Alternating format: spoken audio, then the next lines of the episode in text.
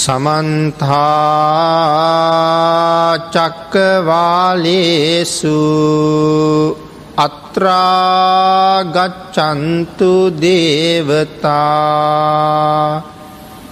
සද්ධම්මං මුනිරාජස්ස සුනන්තු සග්ග මොක්කදං ධම්මස්සවෙන කාලෝ අයං බදන්තා ධම්මස්සවෙන කාලෝ අයං බදන්තා ධම්මස්සවෙන කාලෝ අයං බදන්තා। නමෝතස්ස භගවතු අරහතු। සම්මා සම්බුද්දස්ස। නමෝතස්ස භගවතු අරහතු। සම්මා සම්බුද්දස්ස. නමෝතස්ස භගවතු අරහතු සම්මා සම්බුද්දස්ස. සද්ධර්මශ්‍රාවක කාරුණික ගුණගරුක බෞද්ධ පින්නතුනී අදත් බොහෝම ශ්‍රද්ධාවෙන් යුක්තව මේ පින්වත් පිරිස සැදී පැහැදී සූදානම් වෙන්නේ සම්මා සම්බුදුරජාණන් වහන්සේ නම් කවුද කියන කාරණාව හඳුනාගණ්ඩ සාකච්ඡා කරන්න යොදාගත්ත ධර්ම දේශනා මාලාවේ තවත් දේශනාවක් ශ්‍රවණය කිරීම සඳහායි. පිනතන පහුගිය ධර්ම දේශනාව අපි නිමා කළේ බෝසතාණන් වහන්සේට තිබුණ එවලේම වැටහෙන නුවන හත්තිපාල ජාතක කතාවෙන් අපි එක සාකච්ඡා කළා. බෝසතාණන් වහන්සේට එහෙම වැටහෙන නුවනක් තිබුණ නං භාග්‍යතුන් වහන්සේට කොහොම නුවනක් තියෙන්ට ඇද්ද කියෙන කාරණාව සාකච්ඡා කළේ මේ අභිනී හාරය කියන කාරණාව සාකච්ඡා කරන අතරයි අපි මේ කරුණු කාරණා සියල්ල පැහැදිලි කර ගත්තේ. දෙමන මේ අභිනීහාරය මහා අභිනීහාරය මනුස්සත්තං ලිංග සම්පත්ති හේතු සත්හාර දස්සනං පබ්බජ්ජා ගුණ සම්පත්ති අධිකාරෝච චන්දතා අට්ට ධම්ම සමෝදානං අභිනීහාරෝ සමිජ්ජති කියන මේ ගාථාරත්නය අපි ඒ ප්‍රමාණයෙන් සාකච්ඡා කරලා ඉවර කළා. අපි අද සාකච්ඡාවට භාජනය කරගන්නේ. දීපංකරෝ ලෝක විදු ආහූතේ නම් පටික් ගහෝ උස්සේසකේ මං තත්වාන ඉදං වචන මබ්‍රවී මේ ගාථාවිඳල තමයි මේ සාකච්ඡා කරන්නේ පනස් නමවෙනි ගාථාව. සුමේද කතා පැහැදිලි කරන තැන. මේ ගාථාවි සඳහන් කරනවා දක්කිනෙය හෙයින් දම් පිළිගන්වන් පිළිගන්නා වූ කියන කාරණාව ආහූතීනං කියන කාරණාව සඳහන් කරන්නේ එකයි. දක්කිනෙයයි. ලෝකයාගේ දානය පිළිගණ්ඩ ඉතාම සුදුසුයි. දම් පිළිගණ්ඩ සුදුසු වූ දීපංකර බුදුරජාණන් වහන්සේ දාන ශාලාවට වඩින අතරතුර තමයි සුමේදතාපසතුමා මුණ ගැහෙන්නේ. ඒ දීපංකර සර්වඥයන් වහන්සේ මාගේ හිස් දොර වැඩ සිට මෙවදන් වදාළහ. දොට මේ සුමේද තාපසතුමා තමයි සඳහන් කරන්නේ දානය පිළිගැනීමට අතිශයින් සුදුසු වූ දීපංකර භාග්‍යවතුන් වහන්සේ දානශාලාවට වඩින අතරතුර මාගේ හිස් දොර එකන මගේ හිස ළඟ හිටගෙන මෙන්න මේ විදිහේ ප්‍රකාශයක් මට කළා. පස්සත ඉමං තාපසං ජටිලං උග්ගතාපනං අපරිමෙයන් ඉතෝ කප්පේ බුද්ධෝ ලෝකයේ භවිස්සති පස්සත පස්සත කියන බලන්ඩ පස්සත ඉමං ජටිලං. මහනෙන බලන්ඩ මේ මහා ජටිලයා උග්ගතාපනං. සාමාන්‍ය කෙනෙක් නෙමෙයි ඉතා උග්‍ර වූ තපසක් තියෙන කෙනෙක්. උග්ගතාපසං. අපරි මෙය ඉතෝ කප්ප. බුද්ධෝ ලෝකයේ භවිස්සති. මෙයින් මහාකල්ප අසංක්‍ය හතරකුත් ලක්ෂ එකක් ගතවෙච්ච තැන මේ ලෝක දහත්වේ සම්මා සම්බුද්ධත්වයට පත්වෙනවා කියලා දීපංකර භාග්‍යතුන් වහන්සේ මගේ හිස් දොර ඉඳගෙන මට ප්‍රකාශ කළා. ආහු කියන කාරණාව ආහු කපිලව් හොයා රම්මා නික්ක මිත්වා තතාගතු පදානං පදහිත්වාන කත්වා දුක්කර කාරිකං සඳහන් කරනවා ඒ කාරණාව එකල්හි තතාගත වූ මෙතෙම කපිල නම් සිත්කලු වූ පුරයෙන් නික්ම පදන් වීර්ය වඩා දුෂ්කර ක්‍රියා කොට නියතිවරණය ලබාදීපු හැටි. කපිල කියන මේ නගරයේ තමයි උපදින්නේ. එකල්හි තතාගත වූ මෙතෙම තාම භාග්‍යතුන් වහන්සේ බවට පත්වෙලා නැහැ. කපිල නගරයේ ඉපදෙනකොට භාග්‍යවත් වෙලත් නැහැ. නමුත් මෙතන තතාගත කියන වචනයෙන් හඳුන්වලා තියෙනවා. දෙකල්ල තතාගත වූ මෙතෙම කපිල නම් සිත්කල වූ පුරයෙන් ඉතාම විචිත්‍ර වූ නගරයක්. දේව නගරයක් හා සමානයි මේ කපිල වස්තුපුරය. මේ කපිල වස්තුපුරයෙන් නික්ම පදන් වීර්ය වඩා දුෂ්කර ක්‍රියා කොට. ඉතාම වීරයෙන් යුක්තව දුෂ්කර ක්‍රියා කරලා. ඒ දුෂ්කර ක්‍රියාව අතහරිනවා. ගාථා පෙළේ සඳහන් හැටියටමයි අපි සාකච්ඡා කරන්න මේ කරුණු ඉදිරියට ආය වෙනම සාකච්ඡා වෙනවා මෙතනම. මුලින්ම මව ගැන පියා ගැන සියලු කාරණා මෙතනම නැවත සාකච්ඡා කරනවා මේ පොතේ පෙළ තියෙන හැටි. ඉළඟට සඳහන් කරනවා අජපාල රුක්ක මූලස්මින් නිසී දිත්වා තතාගතු තත්ත පායා සමක්ගයිහ නේරංජර මුපේ මුපේ හිතී. දුෂ්කරක්‍රියාව නිමා කරලා අජපාල නුගරුකමුලට පැමිණෙනවා. අජපාල නුගරුකමුලට පැමුණුනහම කිරිපිඩු දානයක් ලැබෙනවා. ඒ කිරිපිඩු දානයත් අරගෙන නේරංජනා කියන නදියගාවට නදීගාවට යනවා. එතකොට කවුද මේ කිරිපිඩු දානය දෙන්නේ. කිරිපිඩු දානය පූජ කරන්නේ සේනානී කියන නියම් ගමේ ප්‍රධානයාගේ දුව එමනතන් සුජාතා කියන සිටු දියනිය. සුජාතාව මේ දානය පූජා කරන්නේ බෝසතාණන් වහන්සේට නෙවෙයි. නුගගහේ වැඩ හිටපු රුක් දෙවියට රුක්ෂ දේවතාවට. මොකදේ දේවතාවුන් වහන්සේගෙන් වරයක් ඉල්ලලා තියෙනවා. ඒ වරය ලැබුණා. ඒ වරය ලැබුණ නිසා අවුරුද්දක් පාසා දේවතාවුන් වහන්සේට කරන්න වූ පූජාවයි මෙ කරන්නේ. එතකොට එදා උදේ පාන්දර නුගරුක මුල්ල පිරිසිදු කරන්න ගියපු දාසිය ඇවිල්ල කීවා ආර්යාවෙනි රුක්ෂ දේවතාවුන් වහන්සේ අද බෝධි මූලයටම වැඩලයි ඉන්නේ. දානය පිළිගන්න. මොකද මේ දාසියට අදහාගණ්ඩ බැරි රූපයක් මෙතන තියෙන්නේ. තාම බුද්ධත්වයට පත් වෙලා නැහැ එවුනාට ශරීරයෙන් රැස් වෙහි දෙනවා. බෝසතාණන් වහන්සේගේ ශරීරයෙන්නුත් රැස් විහි දෙනවා. යසෝදරා දේවින් වහන්සේගේ ශරීරයෙන්නුත් රැස් විහි දෙනවා.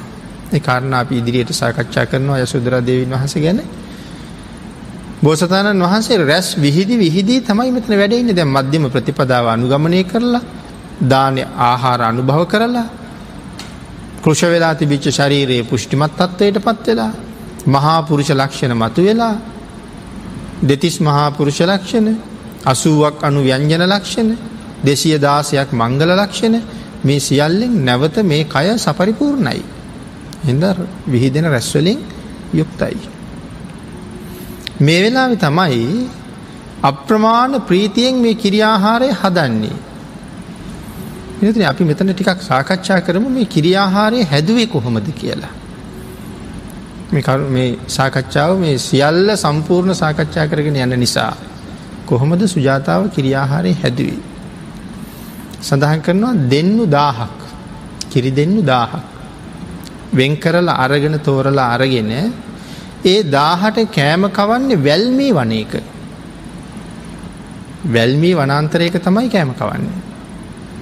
එතකොට මේ කවන්ඩ ඇත්තේ තනකොලත් තියෙන්ට ඇති වැල්මී කොළ වැටිල තියෙනවා වැල්මී ඔල වැල් බිමත් ගිහිල්ල තියෙනවා. එතකොට තනකොලත් එක්ක වැල්මීත් මේගොල්ලු අනුභව කෙරෙව්වා. එහෙම කාලයක් මේ දාහ වැල්මී වනේ කෑම කවලා පන්සීයක් තෝරනවා.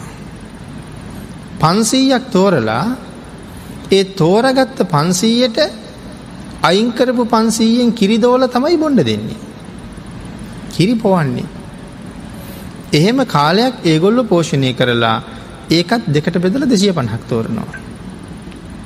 ඒ දෙසිය පණහට බොන්ඩ දෙන්නේ අරායින් කරපු දෙසිය පණහින් කිරි. ඉස්සරලාම වතුර තනකොල තනකොල් කකා වතුර බීවා. ඊළඟට වැල්මී කකා කිරි බීවා. එතකොට මේ අයිංකරපු දෙසිය පණහ වතුර බීල නැහැ ඒගොල්ලු බීල තියෙන කිරිමයි. එතකොට ඒ දෙසිය පණහින් කිරිදවල තමයි අර දෙසිය පණහට පොවන්නේ. ඉට පස්සේ ඒක ආය ආය ඒගොල්ලු දෙකට බෙදෙනවා ආයත් දෙකට බෙදලා ඒගොල්ලන්ට කිරිපෝනවා මෙහෙම මෙහෙම බෙදාගෙන බෙදාගෙන හැට දෙකක් තිස්ස එකක් පහළොවක් බෙදාගෙන ඇවිල් අන්තිමට හත් දෙනයි. දෙන්නු හත් දෙනයි මෙන්න මේ දෙන්නු හත් දෙනා ගාවට එනකොට මේගොල්ලු කී කාලයක් කිරි බීපු අයද මේ දෙන්නු එක එක්කෙනට එක එක්කෙනට වැඩිය. එතකොට ඒ කිරි රස වැඩි උකු වැඩී. එහෙම රසෙන් වැඩි උකුවෙන් වැඩි කිරිබීගෙන බීගෙන තමයි මෙගොල්ලු ආවී. එහෙම ඇවිල්ල අන්තිම හත් දෙනාගින් දවාගත්තු කිරින් තමයි මේ කිරියාහාරය සකස් කරලා තියෙන. මොන තරං මදුරවෙන්ඩ ඇද්ද. කොයි තරං ප්‍රනීත විදිහට සකසන්ඩ ඇද්ද.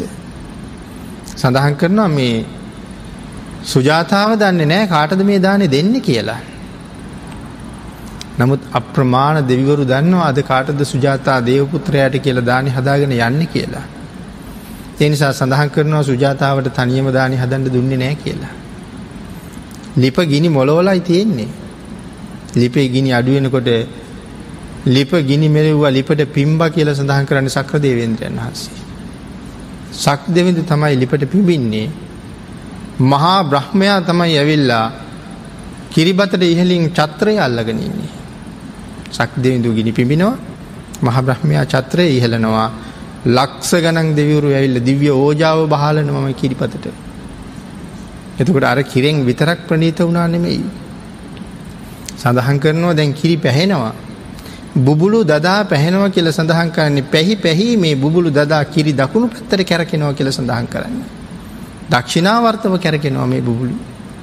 එහෙම කැරකි කැරකි පැහි පැහි උඩට එනවා නමුත් අපේ බත පැහෙනකොට වතුර බින්දු එලියට විසි වෙනවා.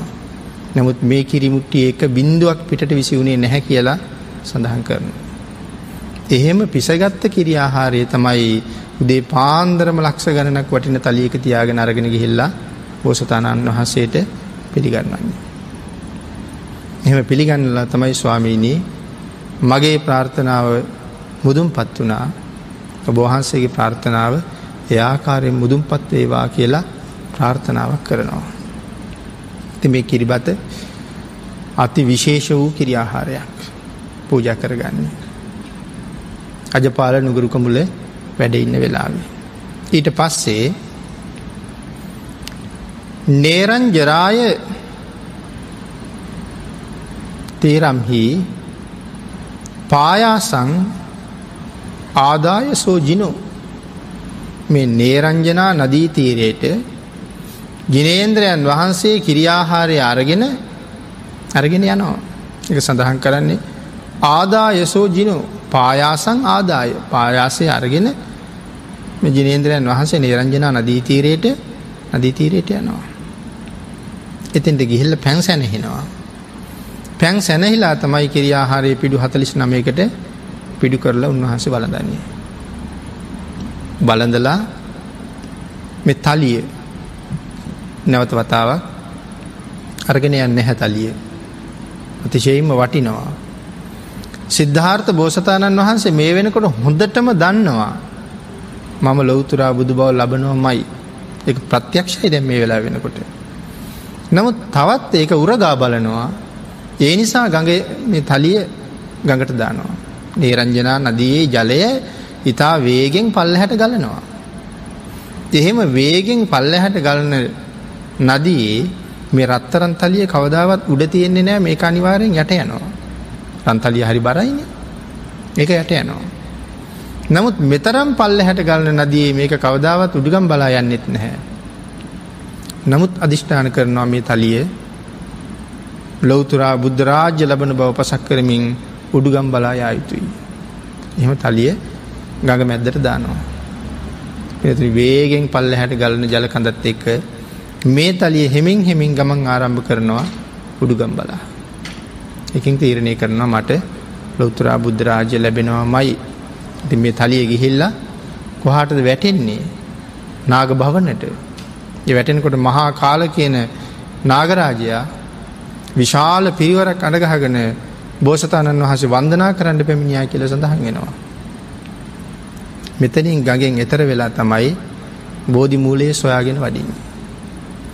මේ බෝධිමූලයේ සොයාගෙන වඩින වෙලාව දැන් අපේ කල්පනාව දුෂ්කරක්‍රියා කරලා ඉවර වෙලා ඇවිල්ලා ගඟෙන් පැන් සැනහිල්ලා කිරිහාර වලඳලා බෝධිමූලයට තනියම ඇන්ඩ ඇති කියලා.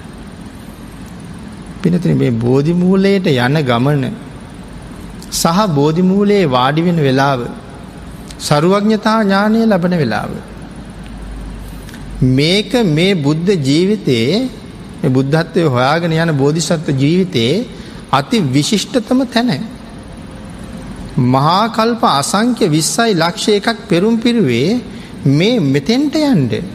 ඉතින් ඒක සාමාන්‍ය ගමනක් වෙන්නේ ඒක සාමාන්‍ය ගමනක් වෙන්න මෙතෙන්ට යන්ඩයි මේ පෙරුම් පිරුවේ. ඉති මෙතෙන්ට යන්ඩ ගෙදරින් අභිනිෂ්ක්‍රමණය කරනකොට. මේ මාලිගාවේ ඉන්න සියලු දෙනාම දෙවියන් විසින් එදා නිදි කෙරෙව්වා. කිසිම කෙනෙකුට අවදිවෙන්ඩ දුන්නේ අවදිවෙන්ඩ නෑ දුන්නේ නෑ සියලු දෙනා නිදි කෙරෙව්වා. එහෙමනම් අර නාටිකාංගනාව වූ තම තමන්ගේ කුටිවලට නොයවා තව තවත් උන්වහන්සේට මේ ලෝක හැටි පසක් කරවන්ට මෙතන වට්ටවල නිදි කරවන්න ඇති දේවතා උන්වහන්සේ ලාමයි තවත් කල කිරීම ඇති කරවන්නට. දොරවල් අරින්ඩ ඕනේ කිසිම දොරක් බෝසතාණන් වහන්සේට අරින්ට දුන්නේ. ඉබේ ඇරුණ දොරවල් වලින් පිටවුනා කියල සඳහන් කරන්නේ මේ හැම්ම දොරක්ම අරින්නේ දෙවිවරු. සියලුම දොරවල් ඇරල දෙනවා. උන්වහන්සේ අරිනරින දොරින් පිට වෙනවා. පිට වෙලා වාසල් පවුරු ඔක්කොම හිර කරල වහලයි තියෙන්නේ.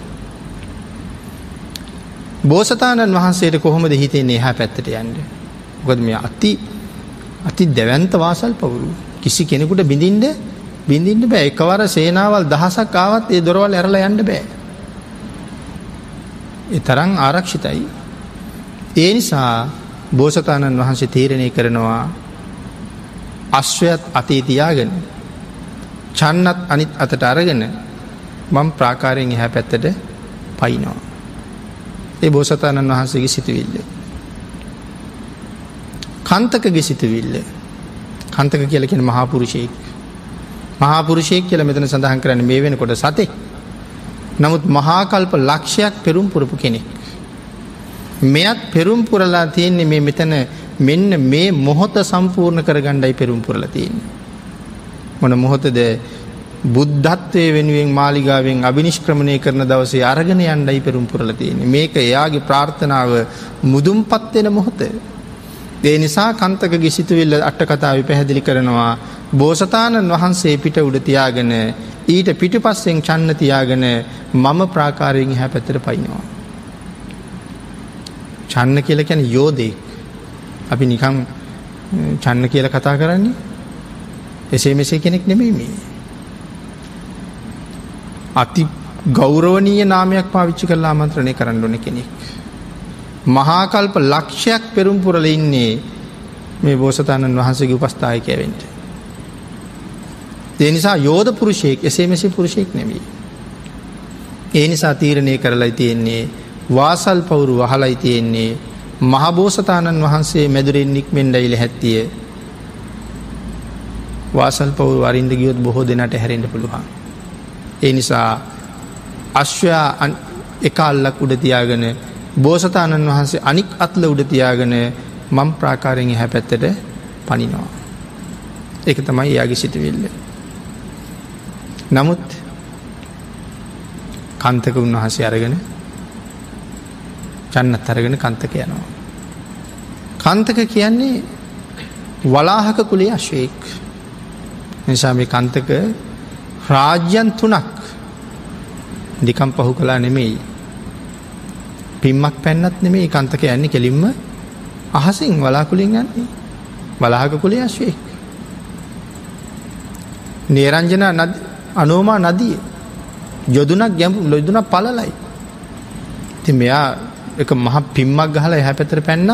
පැන්නනෙම යා එන ගමම ගියා හැ පැත්තට. එතකොට මේ ගමන තනියම ගියාද බෝසතාණන් වහන්සේ? චන්න යශ්වය ඒක විතරක්? නෑ. දස දහසක් සක්වල දෙවිය බ්‍රහ්මයෝ තනි රකිනව මේ වෙලාවේ. තනියම යනවා එහෙම නෙවෙයි.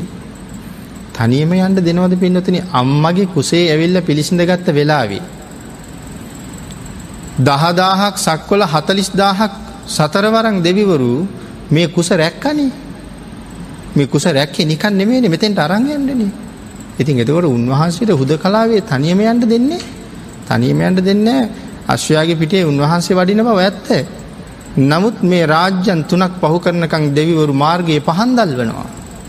ඒ පහන් ආලෝකඇත් එක තමයි උන්වහස අනුවම නදී තීරයට යනකං යන්නේ මොන්න තරං ලස්සනට මාර්ගයේ හැදුවද මේ දෙවිවරු. නිකම් මේ කටු කැලෑ ලඳු කැලෑ අස්වෙන් රිංගගෙන මේ අශ්වයා ගියාවත් එහෙම නෙවෙයි.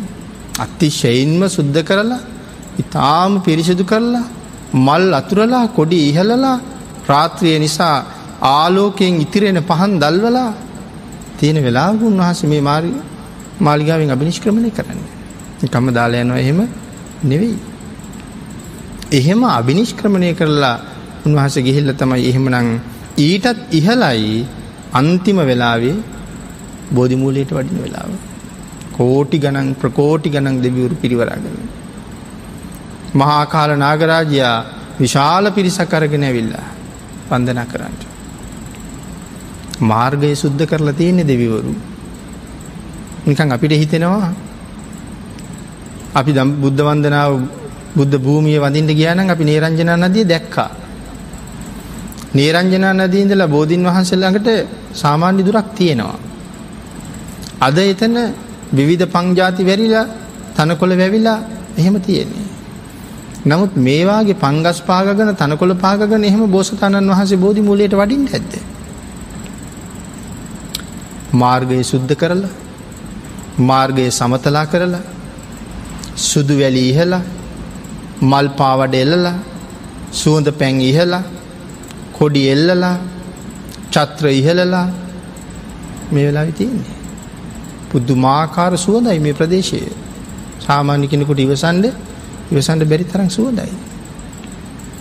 එහෙම වෙලාවකයි ඒවාගේ සැරසිලි සත්කාර සංග්‍රහ මධ්‍යයේ තමයි බෝසතාණන් වහන්සේ බෝධීන් වහස ගවට වඩින්නේ. ති මේ මේ කාරණාව කෙතෙක් වර්ණනා කළත් මදි වර්ණනා කරලා ඉවර කරන්නත් ඉවර කරන්නත් බැහැ. මොකද මේ මුලින් සඳහන් කලා වගේ මහාකල්ප අසංක්‍ය විස්සයි ලක්ෂ එකක ප්‍රාර්ථනාව මුදුන්පත් කරන ගමනටයි ගමනටයි මේ පිටත්වෙන්නේ. ඉති පිනතන ඒ කාරණාව අපි තව සාකච්ඡා කළ යුතුයි ශ්‍රද්ධාව උපදවන්ඩ ඕන නිසා. මේ දේශනා මාලාවේ ප්‍රධාන අරමුණක් සරණයෑම සඳහා ශ්‍රද්ධාව ඉපදවීම. එහෙමනම් මේ විදි හෙට උන්වහන්සේට මග සැකසින්නේ ඇයි කියන කාරණාව. අපි පින්නතුන්ට මතකයි භාගිතුන් වහසේ විශාලාවට වැඩපු වෙලාව අපි හලතියෙනවා. විශාලා මහනුවර දුර්භික්ෂබිය රෝගබිය අමනුෂ්‍යබිය මේක ඇති වුණට පස්සේ. මිනිස්සු අන්තිමට වෙන්ඩ වෙන්ඩ ටිකක් කෑකු ගැහුවා. මේ රාජ්‍යයට මෙහෙම උනේ නෑ. කවදාවත් හත්තනි රාජ පරම්පරාව වෙනකං මේ රාජ්‍යයට මෙහෙම මෙහෙම උනේ නෑ. නමුත් රටකට මේවාගේ තත්ත්වයක් උදාවෙනවා කියලා අහල තියෙන්නේ රජු අධාර්මික නං රජරුගාවට එල්ල මේ කියනවා. රජු අධාර්මික නං නමුත් රජ්ජුරු එතන තමන්ගේ ශක්තිය පාවිච්චි කරලා එහෙම කියාපු මිනිස්සුන්ට ගහල බැනල එහෙම කරන්න ලැස්ති උන්නෑ. රජ්ජුරු සියලු දෙනා ඇමති මණ්ඩල ඇත්ත එක කැඳෙව්ව රාජාංගනයට. කැඳවල කීවා රජු අධාර්මික නිසා මෙහෙම දෙයක් වෙනවනං එහෙම දේවල් වෙනවා නමුත් මම අධාර්මික නෑ. මම අධාර්මික නැහැ කියලා ඔබලාට මම කීවට වැඩක් නැහැ. ඔබලාට යම්සේ මා පිළිබඳව හොයන්ට පැතිකඩවල් තියෙනවා නං ඒ සියලු ක්‍රම පැතිවේත් ක්‍රමයන් ඔස්සේ පැතිකඩවල් ඔස්සේ මාගේ නොමනා ක්‍රියාවක් තියෙනවා නං ඒක මට හොයල පෙන්න්නට. එක සියලු දෙනාට සියලු දෙනාට ඒ සඳහා අවසර තියෙනවා. ඉතින් මේ රජ්ජුරුවන්ගේ මෙන්න මේ ක්‍රියාවේ අඩු පාඩුවක් වරදක් දෝසයක් තියෙනවා කියල පෙන්නන්ඩ අබමල් රීනුකින්වත් හම්බෙන්නේ. රජුවේ තරන් තරං ධර්මිෂ්ටයි ධර්මිකයි. ආන්ගේ ධාර්මික රජු ඇතුළු පිරිස ඊළඟට සාකච්ඡා කරනවා මේකට එහෙනම් අපි කුමක් කරමුද මේ ඇතිලා තියෙන විසනයට. සමහරය සඳහන් කලා දේව පූජාවක් තියමු. සමහරය සඳහන් කලා දෙවියන්ට ස්තුති පූජාවක් කරමු මේ කවි හදලා ස්තුති කරමු. බලිබිලි පූජාතියමු මේ එක එක් කෙනා එක එක යෝජනා යෝජනාර්ගෙනවා. මෙතන ඉන්නවා මහාලි ලිච්චවී කියන රජ්ජුරු මහාලි ලිච්චවී බිම්බිසාර රජ්ජිරුවොත් එක එක දවසක් බුදුන් වඳින්ට ගිහිල්ලා සෝවන් වෙලා ඉන්නේ. ඒ නිසා ලිච්චවී මහාලි ලිච්චවී රජතුමා යෝජනාවක් කරනවා නැහැ. අපි බුදුරජාණන් වහන්සේ වැඩම්මමු. අපේ රටට භාගිතුන් වහස වැඩම්මමු මම හිතනවා භාගිතුන් වහස වැඩියොත් මෙ සියලු ප්‍රශ්න එසනින් නිමා වෙනවා කියලා. ඒ වෙලා විති සාකච්ඡා කළා කොහොමද භාග්‍යතුන් වහස වැඩමවන්නේ. භාගිතුන් වහසේ වැඩමවන්ඩ නං රජරු කියනවා බිම්බිසාර රජරු භාගිතුන් වහසෙත් එක්ක බොහොම සමීපයි. දෙනිසා අපි යමු. ගේල බිම්බිසාර රජ්ජරුවන්ට මතක් කරමු අපි කෙරෙහි අනුකම්පාවෙන් භාගිතුන් වහසට මේ ආරාධනාව කරන්න කියලා. විශාලාවේ මහරජු ප්‍රධහනයා අවශ්‍ය සියලු පඩුරු පාකුඩන් ලිච්චවි රජතුමාටත් මේ රාජ්‍යයේ පුරෝහිත බ්‍රහ්මණයගේ පුතාටත් දීලා ඒ දෙන්නට කීවා ඔය දෙන්න ගිහිල්ලා බිමිසා රජුරන්ට මේ කාරණාව කියලා රජ්ජුරුවොත් එක්ක ගිහිල්ලා භාගිතුන් වහසට ආරාධන කරට. බිම්බිසා රජරුවන්ට ගිහිල කතාව කීවා. අපේ රට මෙහිම ව්‍යසනයකට පත් වෙලා. මහරජ අපට අනුකම්පා කරලා භාග්‍යතුන් වහසට ආරාධනාවක් කර දෙන්න කියලා. බිම්බිසා රජරු කැමති නැද්ද කොහෙද භාග්‍යතුන් වහස විශාලාවට වඩිනවට. උඹලගේ ආරාධනාව උඹලම කර ගනිල්ල කිවා. අකමැත්තෙන් වාගේ. ඉට පස තීරණය කළ කමන්නෑ. අපි දෙන්න යන් භාගිතුන් වහස වැඩිය දැකළ නැතිවුණාට භාග්‍යතුන් වහන්සේ මහා කාරුණිකයි භාගිතුන් වහස අපි දෙනගේ ආරාධන විවසයි. ගිහිල්ල භාගිතුන් වහසට ආරාධන කළා. භාගිතුන් වහසේ ආරාධනාව පිළිගත්තා. මෙදිනට හරි සතුටුයි. බිම්බිසා රජ්ජිරුවන්ට ගිහිල්ල කීවා මහරජය භාගිතුන් වහස අප ආරාධනාව පිළිගත්තා. රජිරිකුව හොඳයි එන යමල්ලා ගිහිල්ලා භාග්‍යතුන් වහන්සේ වැඩමවන්ට මඟ පිළිසකර කර පල්ලා. පිනතුන දැන් රජගහනුවර ඉඳලා විශාලාවට යන්ඩ මේ ගඟ තරණය කරන්න ඕනේ. ගංගානම් ගඟ තරණය කරන්න ඕනේ. යොදුනක් පලලයි ගඟ. රජගහනුවර ඉඳල ගඟගාවට යොදුන් පහක් දුරයි. රජ්ජුරු යනා බුදුරජාණන් වහසිගාවට.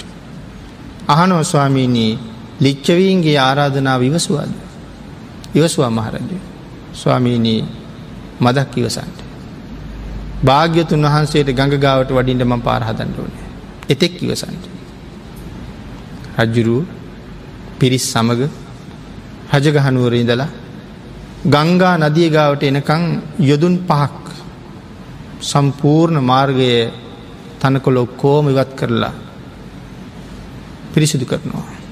බලවල් ගොඩැලි කඳු මොකොවත් නෑ එකම සමතලා බිම සමතලා කරන හදනවා. හදලා මේ යොදුන් පහම යොදුනක් කියල කියන අද හැටියට අපි හැතැක්ම දාසයක්.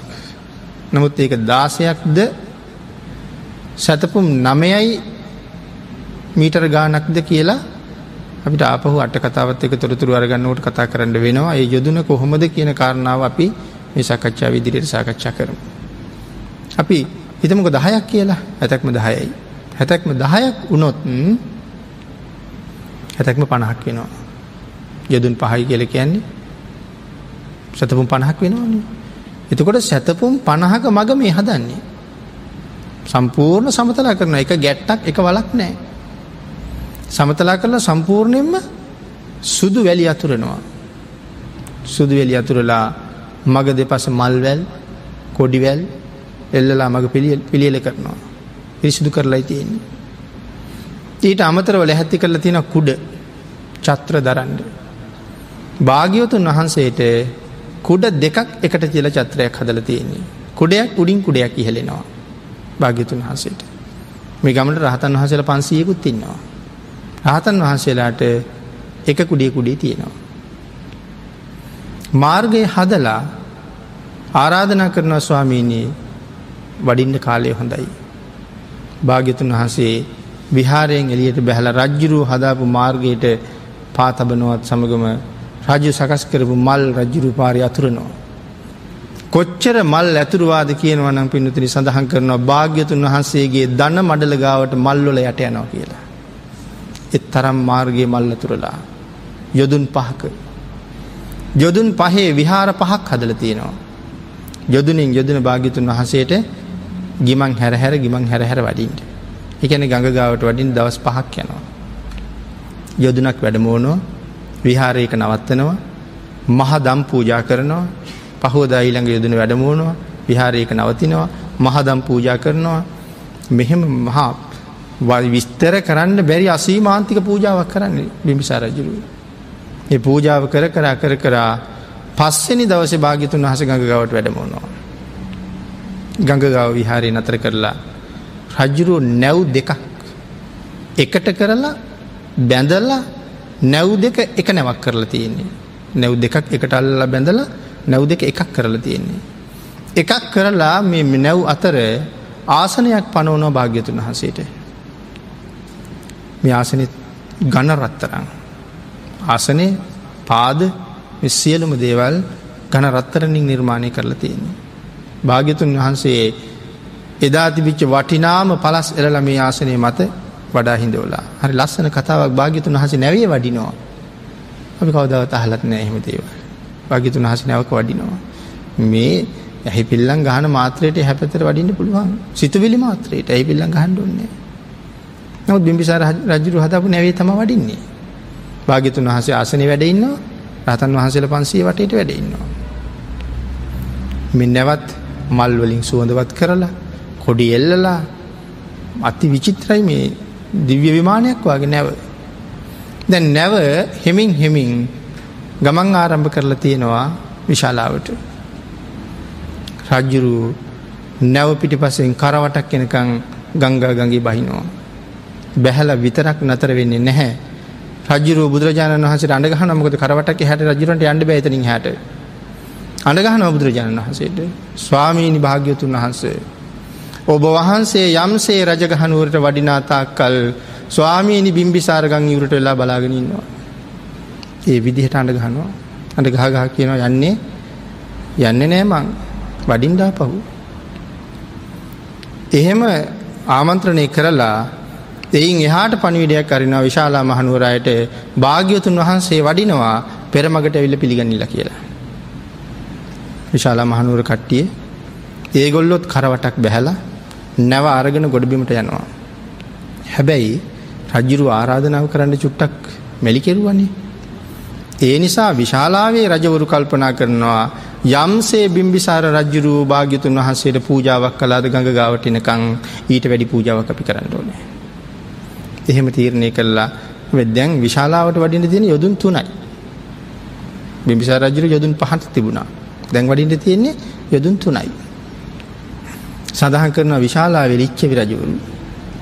භාග්‍යවතුන් වහන්සේගේ හිසට ඉහලින් කුඩ හතරයි. රාතන් වහන්සේලගේ හිසට ඉහලින් කුඩ දෙකයි. මාර්ගය හදලයි තියෙන්නේ සුදු වැලි අතුරලයි තියෙන්නේ මල් ඉහලයි තියෙන්නේ සුවඳ ඉහල තියෙන්නේ පහන් දල්වලා තියෙන්නේ කොඩි එල්ලලා තියෙන්නේ චත්‍ර දරලයි තියෙන්නේ. භාග්‍යතුන් වහන්සේ බොහෝම පරිසම මේ ගොල්ලු අප මන ප්‍රීතියෙන් ශ්‍රද්ධාවෙන් නැවෙන් බස ගන්නවා. නැවෙන් බැහලා විශාලා රාජ්‍යයට සිරිපතුල තියෙනවත් සමග ධාරානිපාත වරුෂ ඇද හැලින්ට පටන් ගන්නවා. ඒ වරුෂා ඇදහැරිලා නැගෙන ජලධහරාව පළවෙනි ජලධහරාව මිනිස්සුන්ගේ දනිහ ගාවට වතුර ගලනවා. ඊළඟ දරදාව ජලධහරාව මිනිස්සුන්ගේ කලවතෙක් ගලනවා. ඊළඟ ජලධහරාව මිනිස්සුන්ගේ ඉනතෙක් ගලාගෙනනවා. මෙන්න මේ ජලධහරා තුනෙන් විශාලාවී තිබිච්ච සියල්ලුම මලකුණු හෝදලාගෙන හිල්ල ගඟට දානවා.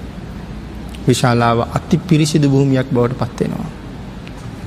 ඉන් පස්සේ මේගොල්ලොත් යොදුන් තුනේ විහාරතුනක් හදල තියෙනවා. භාගිතුන් වහස වැඩමෝල මේ විහාරතුනේ දවස්තුනකට නවත්ත නවත්ත මහදම් පූජා කර කර භාගිතුන් වහසේ වැඩමාගෙන යනවා විශාල මහන්වරට. වැඩමාගෙන ගිහිල්ල දැන් මලකුන් නෑ පිරිසිදුයි. භාග්‍යතුන් වහන්සේ වඩිනවා. භාගිතුන් වහස තනියම වඩිනව නෙමෙයි. දිව්‍ය බ්‍රහ්මයෝ අහස පිරිලයින්නේ. සක්‍ර දේවේන්ද්‍රයන් වහන්සේ සතරවරම් දෙවිවරු ඒ අතර මහා ප්‍රතාපත් වූ දිවිය පුත්‍රයෝ විශාලාවට වඩිනවා. භාගිතුන් වහස වඩිනකොට ඉන්ඩත් බෑ අමනුෂ්‍යයන්ට මේ ප්‍රතාපත් දිවිය පුත්‍රය වඩිනකොට අමනුෂයන්ට ඉන්න බෑ. හිස් ලූලු අත පලායන අමනුෂ්‍ය බියකුත් තිබුණන හිස් ලූලු අත පලායනවා භාගිතුන් වහස මෙන මේ වෙලාවේ ආනන්ද ස්වාමීන් වහසට ආමන්ත්‍රණය කරලා ආනන්ද ස්වාමීන් වහසේට රතන සූත්‍රය උගන්නනවා. රතන සූත්‍රයේ ආනන්ද ස්වාමීන් වහසට උගන්නලා මතක් කරන ආනන්ද මේ විශාලා මහනුවර තුන් වාසල් පවුරු අතර මේ සූත්‍රය කිය කියා මේ පැන් ඉහින්ඩ කියල මතක් කළා උන්වහන්සේ ශෛලමය පාත්‍රයක් භාගතුන් හසි පාතරී ශෛලමය ප්‍රාර්ථරය පාතරය අරගෙන පැම්පුරුවගෙන රජවරුත් රාජකුමාරවරුත් එක්ක තුන් යම් රාත්‍රිය පුරාම මේ වාසල් පවුරු අතර වැඩම කර කර රතන සූත්‍රයේ දේශනා කරනවා. රුවන් සූත්‍රය අති බලගත සූත්‍රයක්. කල්ප ලක්ෂයක් තම් බුද්ධාන්තරය නිමවුනත් බල පිහිටනවා. එතරම් බලතියෙන පිරිතක් රතන සූත්‍රයේ භගිතුන් වහසේ ලිච්චවී ආරාධනා කරනකොට මේක දන්නවා. මේ සූත්‍රයේ විශාලාවේ දේශනා කරල ඉවර කරනකොට අසූහාරදාහක් ප්‍රාණීන් මඟපල් ලබන බවත් භාගිතුන් හස දන්න. දෙනිසා ආරාධනාව භාරගන්නකොට මේ සියල්ල භාගිතුන් වහස තීරණය කරලා තියෙන්නේ. එමනං ආනන්ද ස්වාමීන් වහන්සේ පාත්තරයත් අරගෙන පැන් ඉහිට ගිහිල මේ විදිහට කල්පනක් කරනවා. දීපංකර බෝසතාණන් වහන්සේගෙන් මගේ භාග්‍යතුන් වහන්සේ යම්සේ නීති විවරණ ලැබවාද. එදා ඉඳලා පාරමිතා උපපාරමිතා පරමත්ත පාරමිතා හැටියට මේ දස පාරමී සමත්‍රයෙන් සත් පාරමී හැටිට පාරමිතා තිහක් සම්පූර්ණ කරපු බව සත්‍යයි. ඊළඟට සඳහන් කරනවා පංච මහා පරිත්‍යාග ලෝකත්ත පරිත්‍යාග චරියත්ත පරිත්‍යාග ඥානත්ත පරිත්‍යාග බුද්ධි චරියා පිළිසිඳීම්. එකන කුස පිළිසිඳ ගත්ත වෙලාව. අරටික සම්පූර්ණ කරලා දැන් ඒ පාරමී ඔක්කොම ඉවර කරලා දැන් පිළිසිඳීම්. ප්‍රථමයෙන්ම කුස පිළිසිඳ ගැනීම කුසෙන් බිහිවීම මහාවිනිෂ්ක්‍රමණය කිරීම පදන් වීරය වැඩීම. පදන් වීරය වැඩීම සහ මාර විජය මාර විජය කියල මෙතන සඳහන් කරන්නේ මාරයා පරාජය කරපු අවස්ථාව. සරුවඥතා ඥානය ලැබීම සහ නවලෝතුරා දහම් දේශනා කිරීම. අදී බුදු ගුණ සියල්ලක් මේ වෙලා ආනන්ද ස්වාමීන් වහන්සේ මනසින් ආවර්ජනය කර කර සිහිපත් කරනවා. අන්න ඒ මහා ගුණවල සත්‍යයෙන් සෝපත් වෙන්ඩයි මේ පිරිත දේශනා කරන්න. පිනතුනි සඳහන් කරනවා යංකින්චි විත්තං කියල සඳහන් කරනවත් සමගම එම සඳහන් කරලා පැන් ඉහිනවත් සමගම මේ අමනුෂ්‍යයන්ට යංකින්චි විත්තං කියන ගාථාවේ මේ පදේ සඳහන් කරනොත් සඳහන් කරනොත් එක අමනුෂ්‍යයන්ට ඉඩ බෑ. පාත්‍රයෙන් පැන් අරගෙන ඉහිනවා මේ පැන් අමනුෂ්‍යයන්ගේ හිස මත වැටෙනවා ඔවුන්ට ඉඩ බෑ. කෙසේ දුවන්ඩද කෝම බේරෙන්ඩද හිතාගණ්ඩ බෑ මනුෂ්‍යයන්ට. බිත්ති කොනවල්වල ඉන්න අය ගෙවල් පිටි පස්සේ ඉන්න අය කුණු ගොඩවල්වල ඉන්න අය බිඳගෙන දුවනවා. සමහරයට දුවන්ට මග නෑ නිසා සඳහන් කරනවා පවුරු වාසල් බිඳගෙන මනුෂ්‍යෝදීව කියලා. ඊළඟට නැවත වතාවක් යංකිංචි කියල ප්‍රකාශ කරමින් පැන් ඉහිනකොට ඒ රිදීවන් පැම්බින්දු අහසට විසි වෙලා දැනට විශාලාවේ රෝගීව ඉන්න අය කොච්චරද සියලුම දෙනාගැඟට වැටෙන්ට පටන්ගත්ත කියල සඳහන් කරනවා. පැම් පොදක් වැටෙන වැටෙන කෙනෙක් නැගිට ගණ්ඩ බැරුව ඉන්න ඒවලෙම නැගිටලා ආනන්ද ස්වාමීන් වහසත් එක පසු ගමන් කරනවා කියල සඳහන් කරනවා. එ පැම් පොදිං සූපත්වෙනවා. රතන සූත්‍රය මොන තරං මොන තරං බල සහිතද යම් සීලයක පිහිටලා හරියට වචන උච්චාරණය කරල ප්‍රකාශ කරගන්නවා නං භාගිතුන් වහන්සේ අපේ අපේ ආරක්ෂාව කොයි තරං සැලසවාද කියන කාරණාවල් අපි නිකම් මහල ඉවත දානවට වඩා ජීවිතයට එකතු කරගත්තොත් මේ සංසාරයට මොකට බයිවෙන්ඩති. අපි සඳහන් කලා ජවනහන්ස ජාතික රජ්ජිරු මරණයට බයි අඩන වෙලාවේ. ජවනහන්සේ ප්‍රකාශ කලා මහරජය ඇයි මාරයට බයි. මරණානුස්සතිය වඩන්ඩ දස කුසල් මත ඉන්ඩ එක විසිල් මත ඉන්ඩ කියලා. දන්දෙන්ඩ ඇයි මහරජ මාරයට බයි. මේ වාගේ ආරක්ෂාවක් භාග්‍යතුන් වහන්සේ අපේ වටේ එරල තියෙනකොට අපි තව කාට බයවෙන්නේද. පිනතන භාගිතුන් වහස එලුව විතරක්න මේ ආරක්ෂාව මේ දැනුත් ඔබ අපි දිහා භාගිතුන් වහස බලාගෙන ඉන්නේ.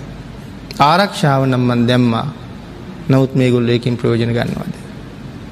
තිල්ලෝකේ ඥාන ඇස විවර කරගත් අය බොහොම බොහොම අඩි අන්ද භූතෝ අයන් ලෝකී ඇස්තිබුණට මේ ලෝක ඇස් පේනවා කියල භාගිතුන් හස සඳහන් කළේ නෑ. එන ලෝක දකින්නේ කවුද? මසැසින් නෙමෙයි ලෝකෙ දකිින්ට හොඳට පුළුවන් මනසින්. එහින්ද භාගිතුන් වහසගේ ධර්මය මොන තරන් ගම්බීරද පරම ගම්බීරයි කෙලකිවේ එකයි මේ මහා ධර්මස්කන්දය ඔබට මට මොනුවනු කරයිද. නිසා මාරයට මේ ලෝක අපි හැමෝම බයයි. කවුරු කොහොම කිවත් මරුට බයි ජීවත්තෙන්නේ. එන භාගිතුන් වහසේ අපිට පෙන්නලා දුන්නේ මාරයට බය බය නැති ක්‍රමේ. අපි මාරය දැක්කහම මරහඬ තියල කෑ ගන්නවා. පිනතින ධර්මය සඳහන් කරනවා කේසර සිංහෙක් ගැන එක පාරක් කෑගහම යොදුන් තුනක් ඇතට ඇහෙනවා කියලයි කියන්නේ. කේසර සිංහයා කෑගහනකොට සත්තු කොයි තරම් බයවෙනවාද. වරපටවලින් ගැට ගහල තියෙන රජ්ජුරුවන්ගේ ඇත්තු පවා කඩන්ඩ බැරි වරපට කඩාගෙන මළ මුත්‍ර පහකරගෙන දුවනවා කියන්නේ ජීවිතය රැක ගන්ට. එහෙම බයයි. එහෙමන පිඩති මාරයා මාරය අපි ගාවට එනකොට අපි මාරයට බය මරහට තියෙන වෙනුවට. මරණය කියන මේ තත්ත්වය ඉදිරි පිට කේසර සිංහෙක් පාද දෙකින් හිටගත්ත වගේ හිටගෙන අත් දෙක දිගු කරලා මාරයට ගොරවන්න පුළුවන් උනුත් අපිට. භාගිතුන් හස අපි එතෙන්ට හදන්ඩයි මේ මග හැදී. එහෙම පාර හදල තියෙනකොට අපි කොයි තරම් භාගිතුන් හසටකී කරුද. එහින්ද මේ පැම්බින්දු ඇඟට වැටෙන වැටෙන කෙනා සුවපත්වෙලා නැගිටිනවා. නැගිටලා විශාල පිරිසක් ආනන්ද ස්වාමීන් වහස වටයට පෙරගහිලා. මේ පිරිස ආනන්ද ස්වාමීන් වහසත් එක මුළු නගරයේ පුරා විශාලාව පුරා පැංගේලා භාගිතුන් වහසගාවට වැටිය. විශාල පිරිසක් භාගිතුන් වහස වට කරගෙන වාඩියෙනවා. භාගිතුන් වහන්සේ හත් දවසක් පුරාවට රතන සූත්‍රයේ විශාලාව දේශන කළා. විශාලාව රතන සූත්‍රයේ දේශනා කරලා විශාලාව දැන් නැවත දිව්‍යපුරයක් හා සමානයි. භාගිතුන් වහසේ තීරණය කලා දැම්මං ආපෝ රජ ගනුවරට වඩින්ඩ ඕනෑ. විශාලාව අය භාගිතුන් වහසට මීට වඩා උපහාර දක්ව දක්වා භාගිතුන් වහසේ ගඟ ගාවට වැඩම කරවාගෙනවා. සමහරට හිතන්ට ඇති සඳහන් කරල නැහැ බිම්බිසාර රජ්ජුරුව එවාපු නැව තාම ගංගිවුර ඇති භාගිතුන් වහසට වඩින්න මොකද මේගොල්ලො නැවක් හදන්ඩ හිතුවද තීරණය කලා දෙහෙම කතාවක් සඳහන් සඳහන් නැහැ ඒ නැව ගංගිවර තිබ්බද නැද දන්නෙත් නෑ. නමුත් පින්නතින නාග භවනයෙන් අති ප්‍රතාපවත් නාගරාජයෝ කල්පනා කරනවා දෙවියන් සහ මිනිසුන් එකතු වෙලා භාග්‍යතුන් වහසේ පුදන වෙලාවයි. නාග භවනට වෙලා අපි කෙසේ නිශ්ශබ්ද වෙමුද. භාග්‍යතුන් වහසේ ගංගා නදී ගවට වඩින වෙලාවේ මැනික් නැව් පත්තරං නැව් රිදී නැව් නාගී වර්ග නැවිල්ලා. ආයාචනා කරනවා ස්වාමී නිභාග්‍යතුන් වහන්සේ අපිට අනුකම්පාවෙන් අපේ නැවටත් නගින්න භාග්‍යතුන් වහසේ. නැව්වලට භාග්‍යතුන් වහස නංගනවා ස්වාමින් වහන්සේල නංගනවා මෙ යොදුනක් පමණ දුර සම්පූර්ණ මාරයෝ පංච වර්ණ පදුමයන්ගෙන් මේ ගඟ පුරෝනවා. පංචවර්ම මල් මල්වලින් ගඟ පුරෝලයි තියෙන්නේ. භාගිතුන් වහස වඩින විශේෂ චත්‍ර විශේෂ කොඩි ඉහලලයි තියෙන්නේ. එහෙම තමයි භාගිතුන් වහස නැවත නුවරට වඩින්නේ රජගහනුවරට. ඉති මේ පූජාව බලාගෙන ඉන්ඩ බෑ බූමටු දෙවියන්ට. ඒ පූජාව බලාගෙන ඉන්ඩ බෑ පල්ල හැතලවල අනික් දෙවියන්ට රුක්ෂ දෙවියන්ට වාත වලාහක වැස්ස වලාහක සීත වලාහක අබ්බ වලාහක මේ දෙවියන්ට එක බලානින්ට බෑ. දේගොල්ලොත් විධ පූජා පවත්වෙනවා. චාතුන් මහාරාජික තාවතින්ස යාමතුස්ත නිර්මාණ රති පරණිමිත වසවර්ති දෙවියොත් පූජා පවත්වනවා. සක්වල කෙරවල අකනිටා බඹලෝ දක්වා දෙවිවරු බ්‍රහ්මයෝ භාගිතුන් හසේට පූජා පවත්වනවා. එනම් බඹලුවත් පූජා පවත්වනවා. ඉ අක නිටා බඹලෝ ආදිත්තැන් අරූපාවචර ධ්‍යාන වල ඉන්න අය රූප පේෙන් නැති අය නොපෙනී නමුත් ඒ අයිත් පූජා නොපෙත්වා ඉන්ඩ නැතුව ඇති නොපවත්තන්න නැතුව ඇති. ඉන්සයිත් හඳන් කරන අක නිටා බඹලු දක්වා පූජා පැවත්වා චත්‍රයේ සෙව්වා කුඩේ සෙව්වා කියලා. ඉර්වශ භාගතුන් වහන්සේ බිම්බිසා රජරුව අය පිළිගන්නවා. පිළි අරගෙන නැවත එවන් අති මහත් වූ පූජාවන් දක්ව දක්වා නැවතවතාවක් ජේතවන රාමය දක්වා එක්කරගෙන යනවා. ඉති මේ අසිරිමත් පූජාව එකයි මුලින් සඳහන් කළේ මේ ගංගාරෝහණ පූජාව ජමක මහා ප්‍රාතිහාරය ආද මේ දේවල් විස්තර කරලා විස්තර කරලා නිමාගක් කරන්න බැරි දේවල්. මේ අසිරිමත් පූජාව දිහ බලලා භික්‍ෂූන් වහන්සේල පහෝදා පිණ්ඩ පාති වැඩ ලැවිල්ලා. සාකච්ඡා කරනවා මොන තරං අසිරියක්ද මොන තරම් භාග්‍යයක්ද භාගිතුන් වහන්සේ ළඟ. ඊයේ සිද්ධ වෙච්ච ප්‍රාතිහාරය කොයි තරං අගනේද. දම්සභා මණ්ඩපේ මේ සාකච්ඡාව නිරත වෙලා ඉන්න වෙලාවී භාගිතුන් වහස දම්ස බවට වඩිනවා. භාගිතුන් වහස අහනවා මම එන්ඩ කලින් මොනවාගේ සාකච්ඡාවකද හිටියේ. ස්වාමීනී ඊයේ සිදුවෙච්ච සිදවීම පිළිබඳව අපි සාකච්ඡා කළේ. ඒ වෙලා විභාගිතුන් වහස සඳහන් කරනවා.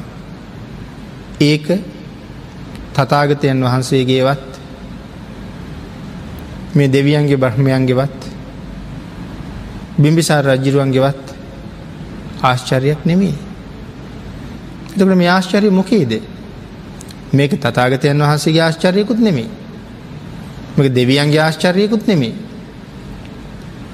මේක මේ රජවරුන්ගේ ආශ්චර්යකුත් නෙවී එන කාගෙද මේ ආශ්චර්යය. පැහැදිලි කරල දෙනවා එදා මම කරපු පුංචි පූජාවක ආශ්චර්යක් මේ තියන්නේ. පුංචි පූජාවක ආශ්චර්යක්. එක පුංචි කියල කියන උන්වහන්සේ කරලා තියෙන පූජාවල් එක්ක පුංචි පූජාවක්. එතකොට මේ ස්වාමීන් වහන්සේලා සියලු දෙනා වහනවා අනේ ස්වාමීනී ඒ පූජාව කුමක්ද. අපි කෙරෙහි අනුකම්පාවෙන් දේශනා කරන සේක්වා. භාගිතුන් වහසේ ඒ කාරණාව මතක් කරනවා. අතීතයේ සංක කියල බ්‍රහ්මණය කෙටියා. මේ සංක කියන බ්‍රහ්මණයට පුතෙක් හිටිය සුසීම කියලා. මේ සුසීම පුතා දාසේ හැවිරිදි වයසට එනකොට තාත්ත කියනවා මේ අල්ල නොමට ශිල්ප ඉගෙන ගණඩුවන වේද ශාත්‍රී ඉගෙන ගණඩුවනේ. පුතේ අහවල් නගරී ඉන්නවා මගේ මිත්‍රයෙක් එයා ගාවට ගිහිල්ලා වේද මන්ත්‍ර ඉගෙන ගන්ට. කහවනු දාහක් දෙනවා මේක ගුරු පන්ටුරු හැටියට දෙන්ඩ. සුසීම කුමාරය හොයාගෙන ගියා. විහිල කාරණාව කීවා. ඒ බ්‍රාහ්මණ තුමා ගුරුවරයා පිළිගත්තා එනම් ඔබ මගේ මිත්‍රයාගේ පුතා මේ දරුවට දක්වන්න තියෙන ගරු සරු සත්කාර දක්වලා ඉතාම සුවසේ වාසය කරන්න තැන් පිළියල කරලා දීලා ආරක්ෂාව සපේලා හොඳ නැකතක් බලලා හොඳ නැකතකින් පටන් ගත්ත තමන්ගේ මිත්‍රයාගේ පුතාට වේදමන්ත්‍ර උගන්නන්ට. මෙයා ඉතා කෙටි කාලයකින් මේ වේදමන්ත්‍ර ඉගෙන ගන්නවා. ඉගෙනගෙන එක දවසක් අහන ගුරුවරයාගෙන් ආචාරිතුමනී මේ වේද මන්ත්‍රවල මුලත් මට හොඳට පේනවා. මැදත් මට හොඳට පේනවා. මට අග පේන්නේ න්නේ. මුලත් පේනවා මැදත් පේනවා අග පේන්නේ. ම කොහොමද අගදිහා බලන්න. ගුරුවරය කියන පුතේ උඹට විතරක් නෙමේ අග මට පේන්නෙත් නෑ. මේක අග මට පේන්නෙත් නෑ. ආචාරිතුමනී ඒ අග පේන්ඩ දැනගණ්ඩ කෙනෙක් නැද්ද. ඉන්නවා. ඒ අග දැනගණ්ඩ නම් රිෂිවරු පිරිසක් ඉන්නවා. අන්නේ රිෂිවරු හොයාගෙන අන්ඩුවන. ඒ රිෂිවරු ඉන්න දිහට මව පිටත් කරන්න. රිෂිවරු ඉන්න දිහට මෙ පිටත් කළා. රිෂිවරු ළඟට ගියා. ඒ රිෂිවරු කියලකෙන් පසේ බුදුරජාණන් වහන්සේලට. පසේ බුදුරජාණන් වහන්සේ ළඟට ගිහිල කාරණාව කීවා.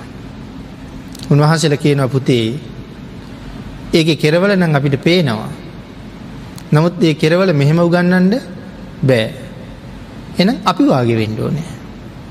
එකන පැවිදි වෙන්ඩෝනෑ. ඉටස බුදුරජාණන් වහන්සේල පැවිදි කරනවා. පැවිදි කෙරුවට කර්මස්ථානය හරියටම දෙන්නේ දෙන්නේ නෑ.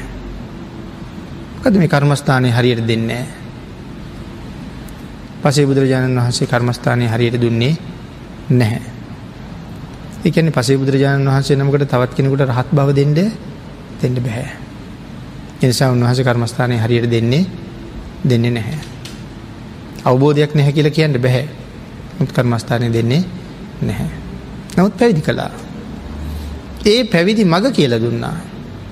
ඒ මග ඔස්සේ මේ දරුවා උත්සාහ කළා මම කෙසේ හෝ මේක කෙරවල හොයනවා. එහෙම වෑයම් කර කර ඉන්න අතරේ මෙත් සෞ කෙලෙසුන් අසල පසේ බුදු කෙනෙක් බවට පත්වෙනවා. සුසීම පසේ බුදුරජාණන් වහන්සේ සියල්ල දැක්කා. හැබැයි සංසාරයේ මොකක් දෝ හේතුවක් නිසා ආවුෂ බොහොම අඩුයි. එනිසා බුද්ධ කෘත්තිය දක්වලා අහසට නැකළ ඉරදි පෙන්නලා අහසදිම පිරිනුවම් පෑවා. ධාතුන් වහන්සේල විසරුණා. බොහෝම හරසරින් ධාතුන් වහසල ටික මිනිස්සු එකතු කළා. ඒ ධාතුන් වහසල ටික තැන්පත් කරලා මිනිස්සු ලස්සන චෛත්‍යයක් හැදවා. මේ වෙලා සංක බ්‍රහ්මණතුමා කල්පනා කරනවා මගේ පුතා සෑහෙන කාලයක් ශිල්ප ඉගෙන ගණ්ඩ ගිහිල්ලා. නමුත් පුතා ගැන තාම කිසිම තොරතුරක් කිසිම තොරතුරක් නෑ. පුතා කොහි ගියාද පුතාට මොනව වුණාද මේ කාරණාව මම හොයන්ඩ ඕනේ. එහෙම හිතල පිටත් වනා පුතා හොයන්ට. පිටත් වෙලා ඒ ප්‍රදේශය අයගෙන් ඇහුවා මේ ප්‍රදේශයේ සුසීම කියල තරුණෙක් ඔගොලන්ට මුණ ගැහුන් නැද්ද මේගොලු කෙන මුණ ගැහුණා. ඒ සුසීම ආශ්චර්යමත් කෙනෙක් ඒ සුසීම ශ්‍රේෂ්ඨ කෙනෙක් ඔබ දන්නවද ඒ සුසීම කියෙන් තරුණයා පසේ බුදු වුණා. ඒ පසේ බුදුරජාණන් වහන්සේ පිරිනිවම් පෑවා. ඒ බුදුරජාණන් වහන්සේගේ ධාතුන් වහන්සල තැන්පත් කරලා අන්න අර චෛත්‍ය අපි හදලිවර කෙරවා එල චෛත්‍ය පෙන්වා. චෛත්‍යගාවට ගිහිල වැටිලා. පපුුවට අත් දෙකින් ගහගහ පොලෝට අත් දෙකින් ගහග ආණ්ඩනවා පුතා නෑ අඩලා අඩලා තීරණය කරන මගේ පුතා බුදුනාලු. මගේ පුතාගේ ධාතුන් වහන්සේලා මේ සෑයි තියෙනවලු එම තීරණය කරලා එහිනම් මම ධාතුන් වහන්සේලාට උපස්ථාන කරන්න ඕනෑ. තමන්ගේ උතුරු සලුව අරගෙන ගිහිල්ල සුදු වැලි සුදු වැලි පුරෝ පුරෝ ගෙනල චෛත්‍ය මලුවේ චෛත්‍ය මලුවේ හිනවා. එහෙම කරලා මල් ගෙනල්ල චෛත්‍ය මලුව අතුරනවා. සුවඳ එහිනවා. මහාලොකු පූජාවක් කරන්න සූදානම් වෙලා ආවෙ නෑනේ පුතා හොයන්ට න්‍යාවි දැම් මේ තමන්ගේ උතුරු සලුවත් මේ වැලි ඇදල අරුවමව කරලා කුණු ගැවිලා හේදුව උතුරු සලුව. හෝදලා ලී එක ගැට ගහල්ලා චෛත්‍යකාව හිටවක් කොඩි පූජාවක්. අවුවෙන් ආරක්ෂාවෙන්ට මෙයා අරගෙන ගිහිල්ල තිබ කුඩයක්. මට අව්ව වැටනට කමන්නේ උතුරු සලුව ඉහල්ුවේ මට සීත දෙවනට කමන්නේ කුඩෙත් චත්‍රය ලීයක යට ගහලා කොත් කැරල්ලට ඉහෙලින් ඉහලනවා චෛතීට අව්ව වැටි. මට අව්ව වැටනට කමන්නෑ බුදුරජාණන් වහන්සේට අව්ව වැටෙන් එපා. එහෙම ඉහලලා මෙයා මේ පූජාව කරලා සතුටු වෙලා එබ චෛත්‍ය ගාව තනකොළ තිබ්බා. අදහන් කරනවා තන ගැලෙව්වා. මේ තනකොළ ටික ගැලෙව්වා. මෙන්න මේ තන පඳුරු ගලවලා ඉවර කරපු නිසා මාර්ගය යොදුන් අටක්. බිම්බිසාර රජ්ජුරුවොත් ලිච්චවි රජවරුත් කඳු ගැට මොකොවත් නැතුව සම්පූර්ණ මාර්ගය සුද්ධ කළා. සමතලා බිමක් කලා ඒ අර තනකොළ ගලවපු නිසා කටු උල් මුල් මොකවත් නෑ මාර්ගය. මේ කරුණු එකක් එකක් ගානය කොච්චර සාකච්ඡා කළ යුතුද. ඒමනම් අදත් චෛත්‍යයක් ළඟට ගිහිල්ලා තනකොළ පඳුරක් නමුත් ගලවලා ඉවත් කරනවා කියන එක කොයි තරම් පිනක්ද කියන කාරණාව නෙමේද මේ කියන්නේ. මෙ අවබෝධ වෙන්න ඇති එකයි තියෙන පුදුමේ. මේ ධර්මය අමුතු ධර්මයක්ද මේ.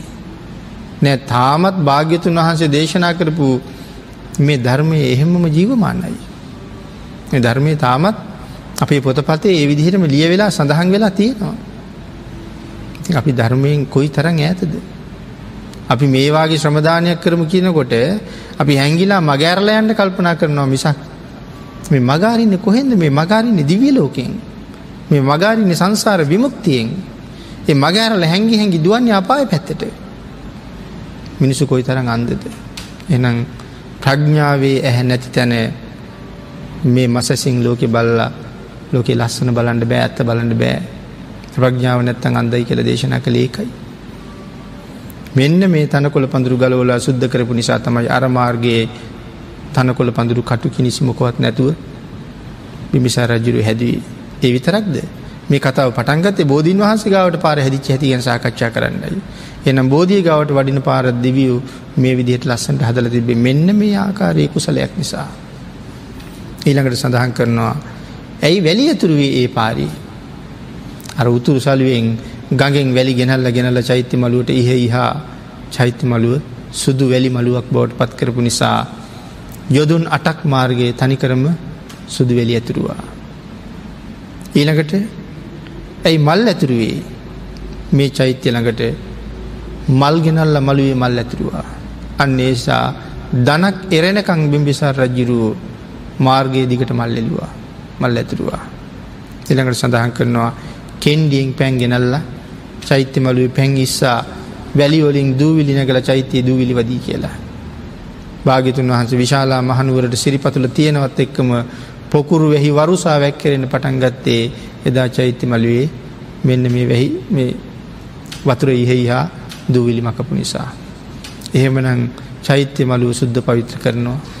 බෝ මළුව අතුපතු ගානුව සුද්ධ පවිත්‍ර කරනවා. විහාර මළුව අතුපතු ගානුව සුද්ධ පවිත්‍ර කරනවා කියන කාරණාව ධර්ම කාරණාව දැනගෙන අවබෝධයෙන් කරන කෙනෙක් මොන්න තරම් පුුණ්‍යවන්තයෙක්ද කියන කාරණාව. මෙන්න මේ නිසානි පින්නතුන මෙහෙම කියන්න පුළුවන් වෙනි ක්‍රීඩකෙක් ක්‍රීඩකෙක් පිට රටක ගිහිල්ලා සම්මාන ලබලා පදක්කං දිනල එනකොට අපි ගුවන් තොටුපොලට ගිහිල්ල යා කොහොම පිළිගන්නවාද. යාත්‍රාවෙන් බහින තැන ඉඳලා රතු පලස් දාලා ඉදිරියෙන් ආරක්ෂාව පිටි පසින් ආරක්ෂාව සිංහ දජ මේ කොයි තරං දේවල් අරගෙන මේ වාර්තාකාරයෝ කැමරාතියාගෙන ප්‍රසිද්ධියක් දෙන්ඩ කොහොම පිළිගන්නවාද. ඔහු මේ ලෞකික පදක්කම කරගෙන එන්නේ. ඔහු එසේ පිළිගත්තට වඩා උදේට දවල්ට හවසට බුදුරජාණන් වහන්සේ ගව වතකරපු කෙනා ඊට වඩා සිය දහස් වාරයෙන් පිළිගණ්ඩෝනෑ. අන්න ඒ පුද්ගලයයි පිළිගණ්ඩෝනේ. එනම් බුදුරජාණන් වහන්සේට වත කරනවා කියන පුද්ගලයට මට හිතන වයස් බේදයකින් තොරෝ වැඳ යුතුයි කියලා. එත් තරං ඔහු ඔහු පූජනීය පුද්ගලයෙක් කොයි තරං ශ්‍රේෂ්ඨද. එනම් මෙතන මෙහෙමනං ඒ කාරණාව ගැන අපි කෙසේ කෙසේ කල්පනා කළ යුතුද. එන සඳහන් කරනවා කුඩ අකනිටා බඹලෝ දක්වා මේ කුඩ ඉහළුනේ චෛත්‍යයට ඉහලින් තමන්ගේ කුඩේ ගැට ගහපු නිසා. කොඩි මත කොඩි ඉහළුනේ උතුරු සලුව කොඩුවක් කරලා පූජ කරපු නිසා. මෙන්න මේ කාරණාව නිසා පින්නතිය සඳහන් කරනවා මත්හා සුක පරිච්චාගා මද සැපය සුළු සැපය අතහැරීමෙන් මොන්න තරං සැපයක් හොයන්න පුළුවන්ද. සුළු දෙයක් අතහරින්ට. මහා වූ සැපයක් වෙනින් ඒ කාරණාව සඳහන් කරනවා පස්සේචේ විපුලං සුකං සුළු සැපයක් අතහැරියහම මහත් වූ සැපයක් ලබන්න පුළුවන්. නමුත් අපි ඒ මහ සැපය ගැන කල්පනාවක් නෑ මේ සුළු සැපය ඔස්සේ ගැටෙන්ඩයි කල්පනාව. මේ කාරණාව විතරක් හොඳට අවබෝධ කෙරුවොත් කල්පනකරුවොත් මිනිස්සු පන්සිල් කඩයිද. සතෙක් මරලා සොච්චන් යමක් සම්පූර්ණ කරගන්නේ. අනුන්ගෙන් හොරකමක් කරලා මං සදාකාලිකොයකින් ජීවත් එෙන්ඩද නෑන එමනං වැරදි කාමසේවනේ භාග්‍යතුන් වහස මොන තරම් ප්‍රතික්ෂේප කලාද. කොයි තරම් භයනකයි කියල සඳහන් කලාද. ඒකෙන් ලබාපු සැපය පෑගානක් දවස් ගානක් ලැබුව නෙමෙයි. අතිශයිම්ම සුළු වූ කාලයක්. නමුත් මගේ හැඟීම් වලට වහල් වෙලා මෙන්න මේ සොච්චං සැපේට ගිලිච්ච නිසා මට කල්ප කාලාන්තරයක් නිරාදුක් උරුම වෙලා. නමුත් හිතට කතා කරලා කීවනං මාව රවට්ටන්ඩ ලෑස්ති කරන්න එපා. මං අපායට ගෙනියන් ඔබන ගලන් දෙපා.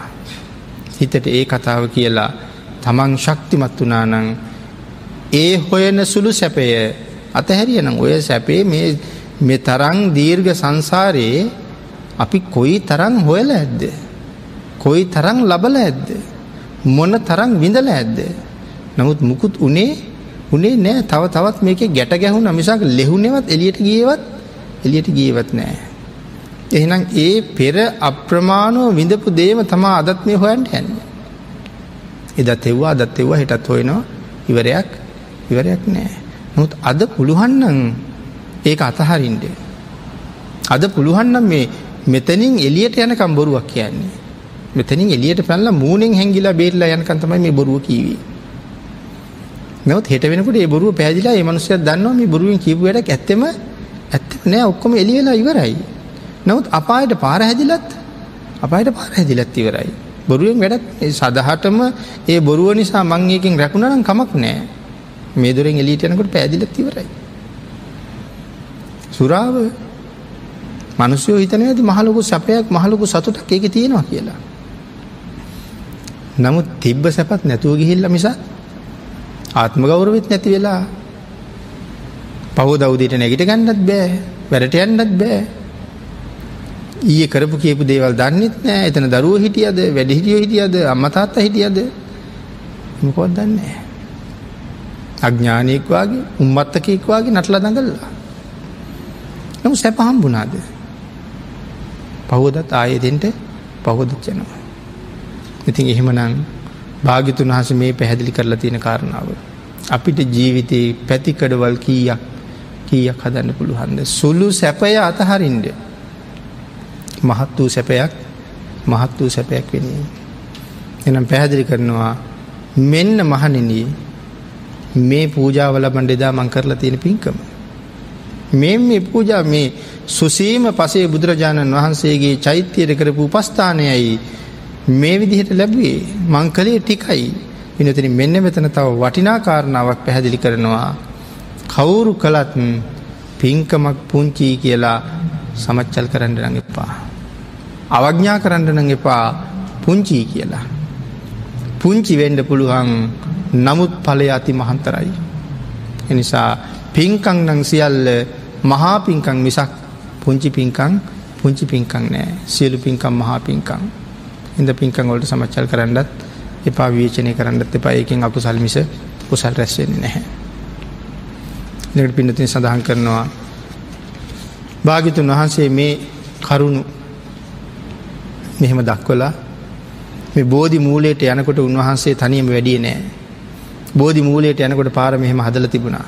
එහෙමයි බෝධි මූලයට වැඩියේ බෝධි මූලයට වැඩම කරලම දෙවියන්ගේ ආරක්ෂාව නාග සේනාව දෙවියන්ගේ සුවඳින් ගඳින් මලින් පුදන වෙලාව බෝධීන් වහන්සේ වටේ තුන් වතාවක් ප්‍රදක්ෂිනා කළා.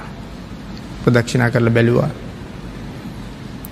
දකුණු පැත්ත බැලුව ලෝකයේ හෙලවෙනවාගේ දැයිනවා. උතුරු පැත්ත බැලුව ඒත් ලෝකයේ හෙලවෙනවා වගේ බේනවා. බටහිර බැලුව ඒත් ලෝකයේ පැද්දෙනව නැලවෙනවාගේ තේරෙනවා. පූර්ව දිසාව බැලුවා ලෝකයේ නිශ්චිතයි. හෙලවෙන්නේ. එහෙමනං බුද්ධත්වය ලබන්ඩ හොඳ මේ පූර්ව දිහාව බලාගෙනයි. බෝධි මූලයට නැගල පූර දිහාව බලලා තමන්ගේ අතේ තියෙනවා සොත්තිය බමුණ දුන්න කුසතනු මිටියට. මේ තනකොළ මිටි අට අතුරන්ට සූදානම් වෙනකොට දාහතර රියන් වජ්‍රාසනය පැන නగిනවා බෝධිමූලයෙන් රියන් දාහතරයි. වජ්‍රාසනය මොකක්ද පැන නගින් ඇත්තේ බෝධිමූලයේ බෝධිය මුල වෙනමකොත් තියෙන නෑනි පස්්නති නමුත් මාකල්ප අසංක්‍ය විස්සයි ලක්ෂ එකක්. පාරමිතා පිරුවේ මෙන්න මේ වජ්‍රාසනය උරුම කරගණ්ඩ. මාරයා ඒකන ඇවිල්ල කීවී. මහකල් පසංක්‍ය විස්සයි ලක්ෂ එකක්. බුද්ධත්වය වෙනුවෙන් ආවා. මහකල් පසංක්‍ය හතරයි ලක්ෂ එකක්. පාරමී පිරුවා. මාර පරාජය කරන්න කරේ මේ වෙලාවේ. මාරය කෑගහලකිව සිද්ධාර්ථ ඔය ආසනය ඔබ එන්න මේ මගේ. කෞද සාකි කියන්නේ. මාරයට සාකි කියන්න හිටිය ඕන තරම් පිරිස. කෝටි ගනම් පිරිස හිටිය මාරයට සාකි කියන්ට. මාරය ඇව්ව සිද්ධාර්ථ තියෙනවද සාකි ඇවුනද මගේ සාකිය. නාසිතීරණය කළේ මා පිරූ පාරමිතා. ඇස් දන්දුන්න තරන් මස් දන්දුන්න තරන් ලේ දන්දුන්න තරන් ජීවිත දන්දුන්න තරන් ඒ මේ වජ්‍රාසනය වෙනුවෙනුයි සාකි කියනවා දෙකට කියලාහනුට මේ මහපුලො බෙවුලන්ට පටන් ගත්තා. මාරයගේ අතා ගිරිමේ කලා එසැනින් බිය වෙලා පැනල දුවන්ට පටන් ගත්තා. ගිරිමේ කලා දුවනකොට අනික් අය කොහොමත් දීවා. එනම් වජ්‍රාසනය පහළ වෙනවා. මොනවර්ද මේ ලෝකෙ වජ්‍ර කියල කියන්නේ. නිතර මේ ලෝක වජ්‍ර කියල කෙන දිය මන්තිවලට. නැන් ලෝක අදට තියෙන වටිනාම මානික්‍ය වර්ගයේ. වජ්‍ර කියල කියන දිය මන්තිවලට. එනම් මෙතන පහළ වෙච්ච ආසනය එදා ලෝක දහත්වේ බිහිවෙන්ඩ තිබිච්ච උතින්ම මානික්කෙන් බිහිවෙන්ඩ ඇති. මොකද මේ සියලු දේවල් මේ වජ්‍රාසනය වෙනුවෙන්. ඉතින් එවන් වජ්‍රාසනයක තමයි පාත්‍රාසිවුරු පසක තියලා මේ තන මිටි ටික අතුරලා මේ වෙලාවේ බෝධි මූලය හරියට නිකං රත්තරම් පීටයක් වගේ රත්තරම් පාත්තරයක් නැතන් රත්තරං මණ්ඩපයක්. රත්තරම් මණ්ඩපයක රිදී කඳක් හිටව වගේ බෝධීන් වහසම වෙලාවේ. අවුදු තිස් පහයි වයස බොධීන් වහන්සේටත්. රියම් පණහක් කුසයි. වජ්‍රාසනේරියන් දා හතරක් කුසයි. ස්වර්ණ පීටයක හිටවපු රිදී කඳක් වගේ භාගිතුන් වහන්සේ මෙන්න මේ අස්වත්ත බෝධිය මේ රිදී කඳට පිටදීලා නැගෙන හිර දිහා බලාගෙන බෝසතාණන් වහන්සේ මගේ ශරීරයේ ලේ මස් ඇට ලේ මස් නහර ඇට බේලිලා ගියත් බුද්ධරාජ්‍ය නොලබා අය මෙතනින් නැගිටින් නෑ ලේවේලිලා යයි මස්වේලිලා යයි නහරවෙල්ලා යයි. මොනටද මේ නහර කියල කියන්නේ? කලින්ම ලේවේලුනා නම් නහර එවෙලා වේලෙන්ඩෝනේ අපි හිතාගන්න මේ අහර කියල කියන්නේ ලේ ගමන් කරන මේ බට වගේ දේවල්ලෝට කියලා. නාර කියල කියන ඒවට ඒවට නෙවෙයි. ඒවට කියන්නේ වර්තමානය නම් කියන්නේ දමනි කියලා. නහාරු කියල කියන්නේ ඒවට නෙවෙයි. මේ මස් ඇටකෝටුවලට අල්ලලා බැඳගත්ත සුදු පාට වගේ නිකං පටි පටි වගේ යමක් තියෙනවා. අන්න ඒව තමයි මේ පාලියෙන් නහාරු කියල කියන්නේ. ඇතු රුදිර ගමන් කරන දේවල් ඉතාම සියව් මේක. ද වේගෙන් කැඩෙන්ට බිඳට පුරන්ට හිරෙන්ට පුළුවන්. නමුත් නහරු එහෙම නෑ. යටකොටුවකින් මස් අදිනකොට ඇදල ගන්න බැරි ඒකයි. හොඳට තදයට අල්ලගෙන තියෙන දේවල් හර එනම් අන්තිමට වේලෙන්නේ ඇටත් එක ඒවා. එනම් මෙන්න මේවා වේලිලා ගියත් ලෝතුරා බුද්ධරාජ්‍ය නොලබා මම කවදාවත් මේ බෝධිමූලෙන් අය නැගිටින්නෑ චතුරංග සමන්නාගත වීරිය බෝසතාණන් වහන්සේ එහෙම වීරය වඩලා බෝධිමූලී වාඩි වුණා. බෝධිමූලයේ වාඩි වෙලා මේ වෙලාව මේ බෝධි පත්‍ර හරියට හිසට ඉහලින් මැනික් කුඩයක් ඉහලිව්ව වගේ. ඕපත්‍ර සිලි සිලි ගාල සැලෙන හරියට මැනික් කුඩයක් වගේ.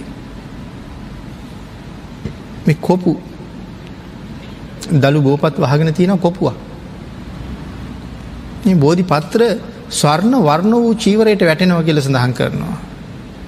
බෝ පත්‍ර වැටනව කියල මෙතන සඳහන් කරන්නේ සමහර වෙලාවට ඒ කොපු වෙන්ඩත් පුළුවන් ඇතම් බෝපත්‍ර පැහිල තිබිච්චා වෙන්ඩත් පුළුවන් ස්වර්ණ වර්ණ වූ චීවරයට මේ බෝපත්‍ර වැටෙනවා. බොසතාණන් වහන්සේ චතුරංග සමන්නාගත වීරියෙන් සර්වඥතාඥානය හොයනවා මේ වෙලාව එනම් බෝධි මුන්ඩලයට වැඩපු හැටි ඉළඟට පිනති අපි සඳහන් කළා මේ වෙලාවේ දෙවියෝ කොයි තරම් පූජා කරනවාද කියලා. අපි මුලින් සාකච්ඡා කළා දහ දාහක් සක්වල හතලිස් දාහක් දෙවිවරු සතරවරං දෙවිවරු මේ ගැබ රැක්කේ නිකම්ම නෙමේ. තමන් අත් දෙක පොරවගෙන ඉන්ඩත් නෙමේ පූජා පවත්තන්ට. අපි මේ කාරණාව කල්පනා කෙරුවොත්. මුචලින්ද නාගරාජයා. අපි අද තැනක දැක්කහම මුචලින්ද නාරජුගේ රූපය හදලා. පොඩි අයෙක් හදල තියෙනවා. භාගිතුන් වහන්සේගේ ශරීරයේ ස්පර්ශවෙමින් දරණ ගහගෙන ඉන්න මෙනාගයා. පිනතින එහෙම හදන එකක් නෑ පෞසිද්ධ වී දන්නේ හැදීම තුළ තන්නෑ විමසල බලන්ට. නමුත් මුචලින්ද මුචලින්ද සූත්‍රයේ තියෙන පොති පිටකේ තියෙන මුචලින්ද සූත්‍රයේ. ඒ වෙලා සඳහන් කරන මේ මහදාරණි පාත වැහි වහිනවනේ. මේ ජලයෙන් හානියක් නොවෙන්ඩයි මං භාග්‍යතුන් හස රකින්නේ. විෂගෝර සර්පය ඇල්ල භාගිතුන් හස ස්පර්ශවෙන්ඩ පුහන්. එහෙම අය භාගිතුන් වහස ළඟට එන්ඩ නොවෙන්ඩයි මං භාගිතුන් හස රකින්නේ. එන විෂගෝර සර්පයෝ ඇගේ ගෑවෙයි කියලා මන් රකිනවා නං මගේ ඇඟ භාග්‍යතුන් හසගේ ඇතුළ තුළ ඉඳල හරියන්නේ. එහෙනම් කොයි වගේද කියල සඳහන් කරනවා මේ මුචලින්ද නාග ධරණය සඳහන් කරලා තියෙන්නේ ලෝහ මහා ප්‍රාසාදයේ පල්ල හැමාලි වගේ විශාලයි කියලා. භාගිතුන් වහසන්නේ මැද්ද මෙයාගේ දරණය ලෝහ මහා ප්‍රාසාදය අනුරධපුරේ තිය ලෝව මහපායි පල්ල හැමාලේ හා විශාලයි කියල සඳහන් කරන්න. මේ දරණය ඇතුළේ සක්මං මලු පැම්පොකුණු විවේක ස්ථාන සැතපෙන තැන් භාග්‍යවතුන් වහන්සේට පහසුවෙන් වැඩයින්ට අවශ්‍ය සියලුම දේවල් සියලුම දේවල් මෙතන සම්පූර්ණ කරලා තියෙන්නේ. ඒ නිසා මේ ඇගේ ස්පර්ශ කරගෙන හිර කරගෙන වහගෙන හිටිය හෙම නෙමෙයි හත් දවසක් මේ කරන්නේ පූජාවක්. මුචලින්ද නාගරාජයා දිව්‍යම නාගෙක්නේ මේ අපි හිතන නාගෙක් නෙමේ. මෙයා එහෙම නං මෙයා ඒකාන්ත වශයෙන් බෝධිසත්වයෙක් වෙන්ඩෝනේ.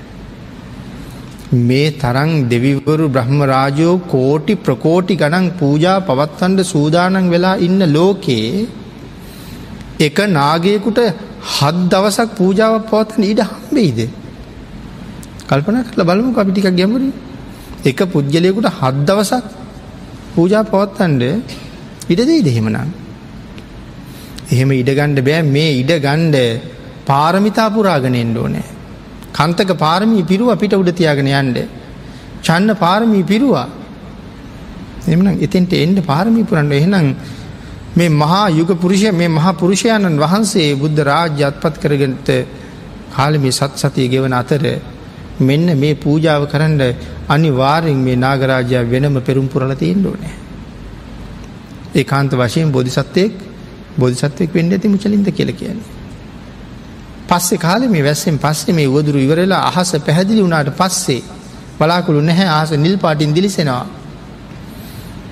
මෙයා තරුණ තරුණයකුගේ වෙස් අරගෙන ඇවිල්ලා භාගිතුන් වහසලඟ දනගහගෙන වැඳගෙන ඉන්නවා.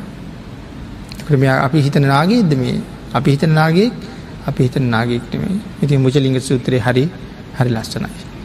ලස්සනට භාගිතුන් වහස පිළිබඳවත් මුචලින්දනාගේ පූජාව පිළිබඳවත් සඳහන් කරලා තියෙන එතකොට අපි හරියටම ධර්මය දන්නතු කොයි තර මිත්‍ය දෘෂ්ටික ගැලෙනවාද කියලා හිතෙනවා.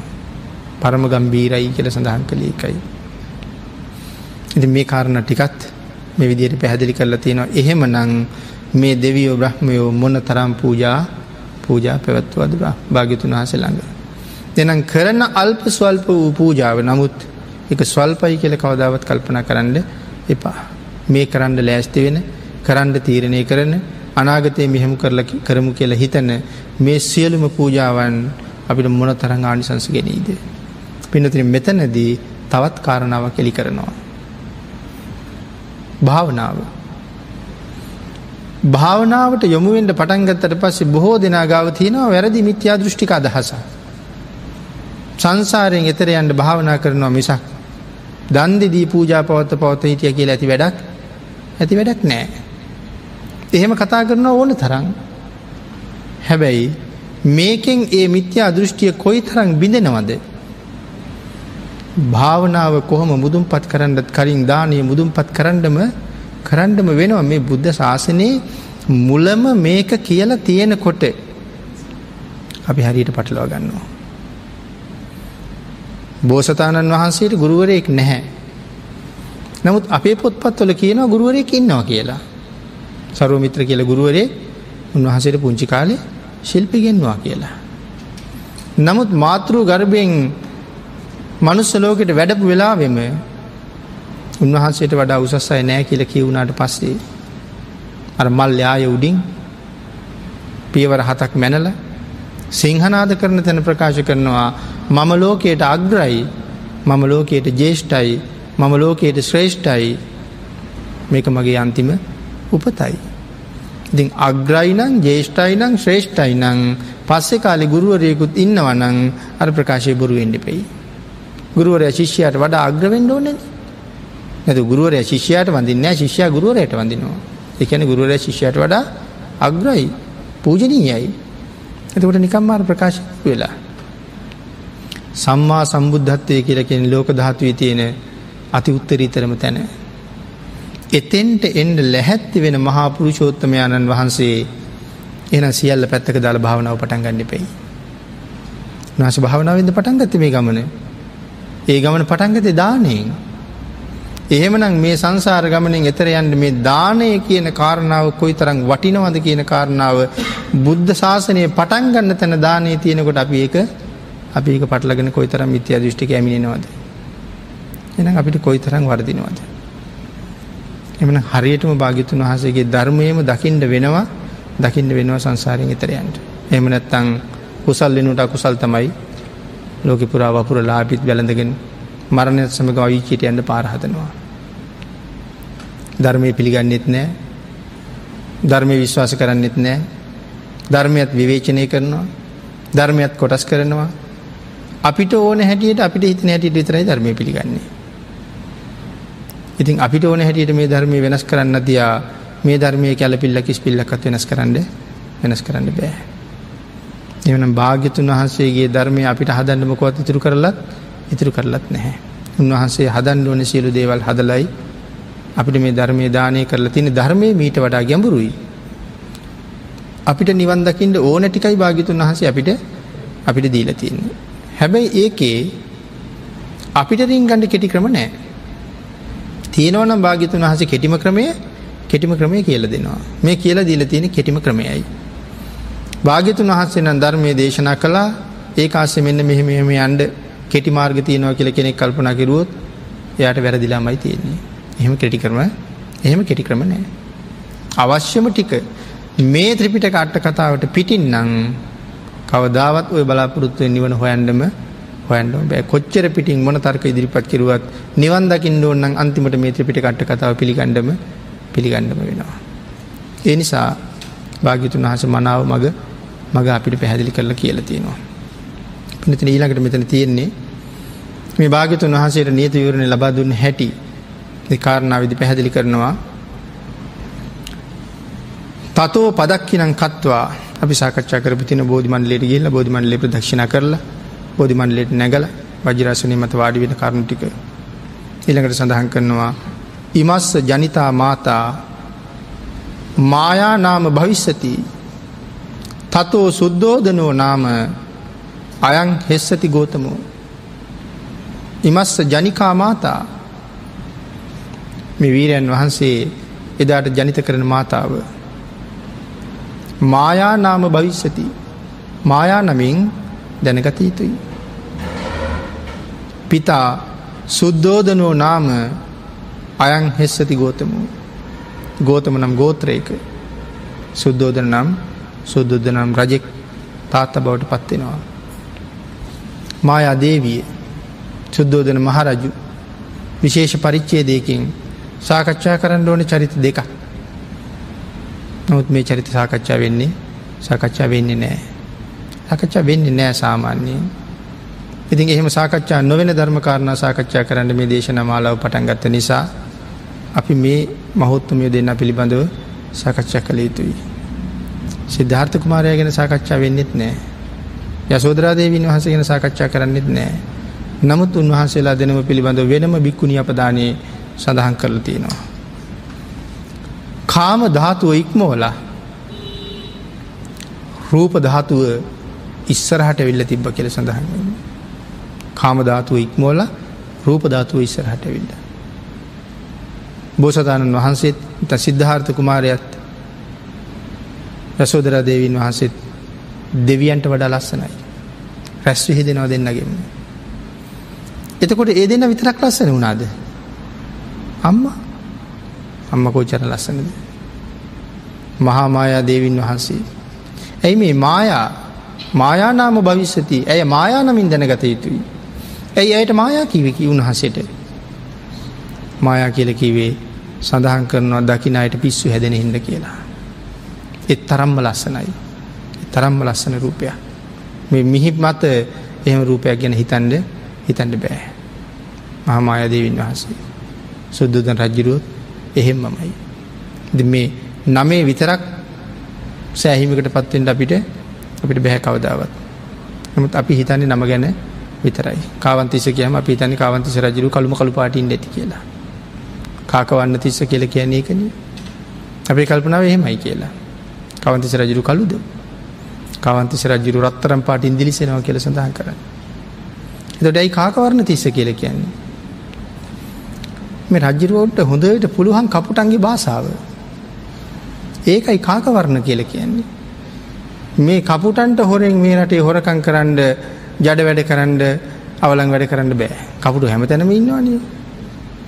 එනම් මේ කාවන්තිස රජ්ජිරුවන්ගේ රාජ්‍යයේ එහෙම වැරදි වැඩ නැති ඇති සෑහෙන්ට. ඇති මේ කපුට දැක්ක ගමන් ඇල්ල රජරුට කියනවා. රජ්ජිරුවන්ට හොඳට කපුටගේ භාසාාව තේරෙනවා. අපි වර්ණමාලාව කියල කියන භාෂාවක් හඳුන්වන හැටිනි වර්ණමාලාව කියෙන එන කාක වර්ණ කපුටාගේ බස වැටහෙන නිසා. වැදෙක් වෙලා ඉන්නකට පසේ බුදුරජාණන් වහන්සේ නමකට කරපු පූජාවක් නිසයි රත්තරම් පාටින් දිලිසෙන්නේ. ඉති හැම තැනම දානය ගැන කතා කරලමයි මේ ශාසන තියන්නේ. එන මහාමායා දෙවින් වහන්සේ එතරම්ම ලස්සනයි. සුද්දෝදන මහරජ්ජිරුවොත් එතරම්ම ලස්සනයි. එනිසා සඳහන් කරනවා. අනාසවා වීතරාගා සත්ත විත්තා සමාහිතා. කෝලිතෝ උපතිස්සෝච අග්ගා හෙස්සන්ති සාවකා අනාසවා වීතරාගා ආශ්‍රව රහිතයි. වීතරාගී රාගේ නෑ. මහරහත් අග්‍රශ්‍රාවකය දෙන්නා. කවුද? කෝලිත සහ උපතිස්ස කියන දෙන්නා. මෙන්න මේ මහාපුරුෂයට එදාට අග්‍රශ්‍රාවකයෝ බවට පත්වෙනවා කියල සඳහන් කරනවා. ආනන්දෝ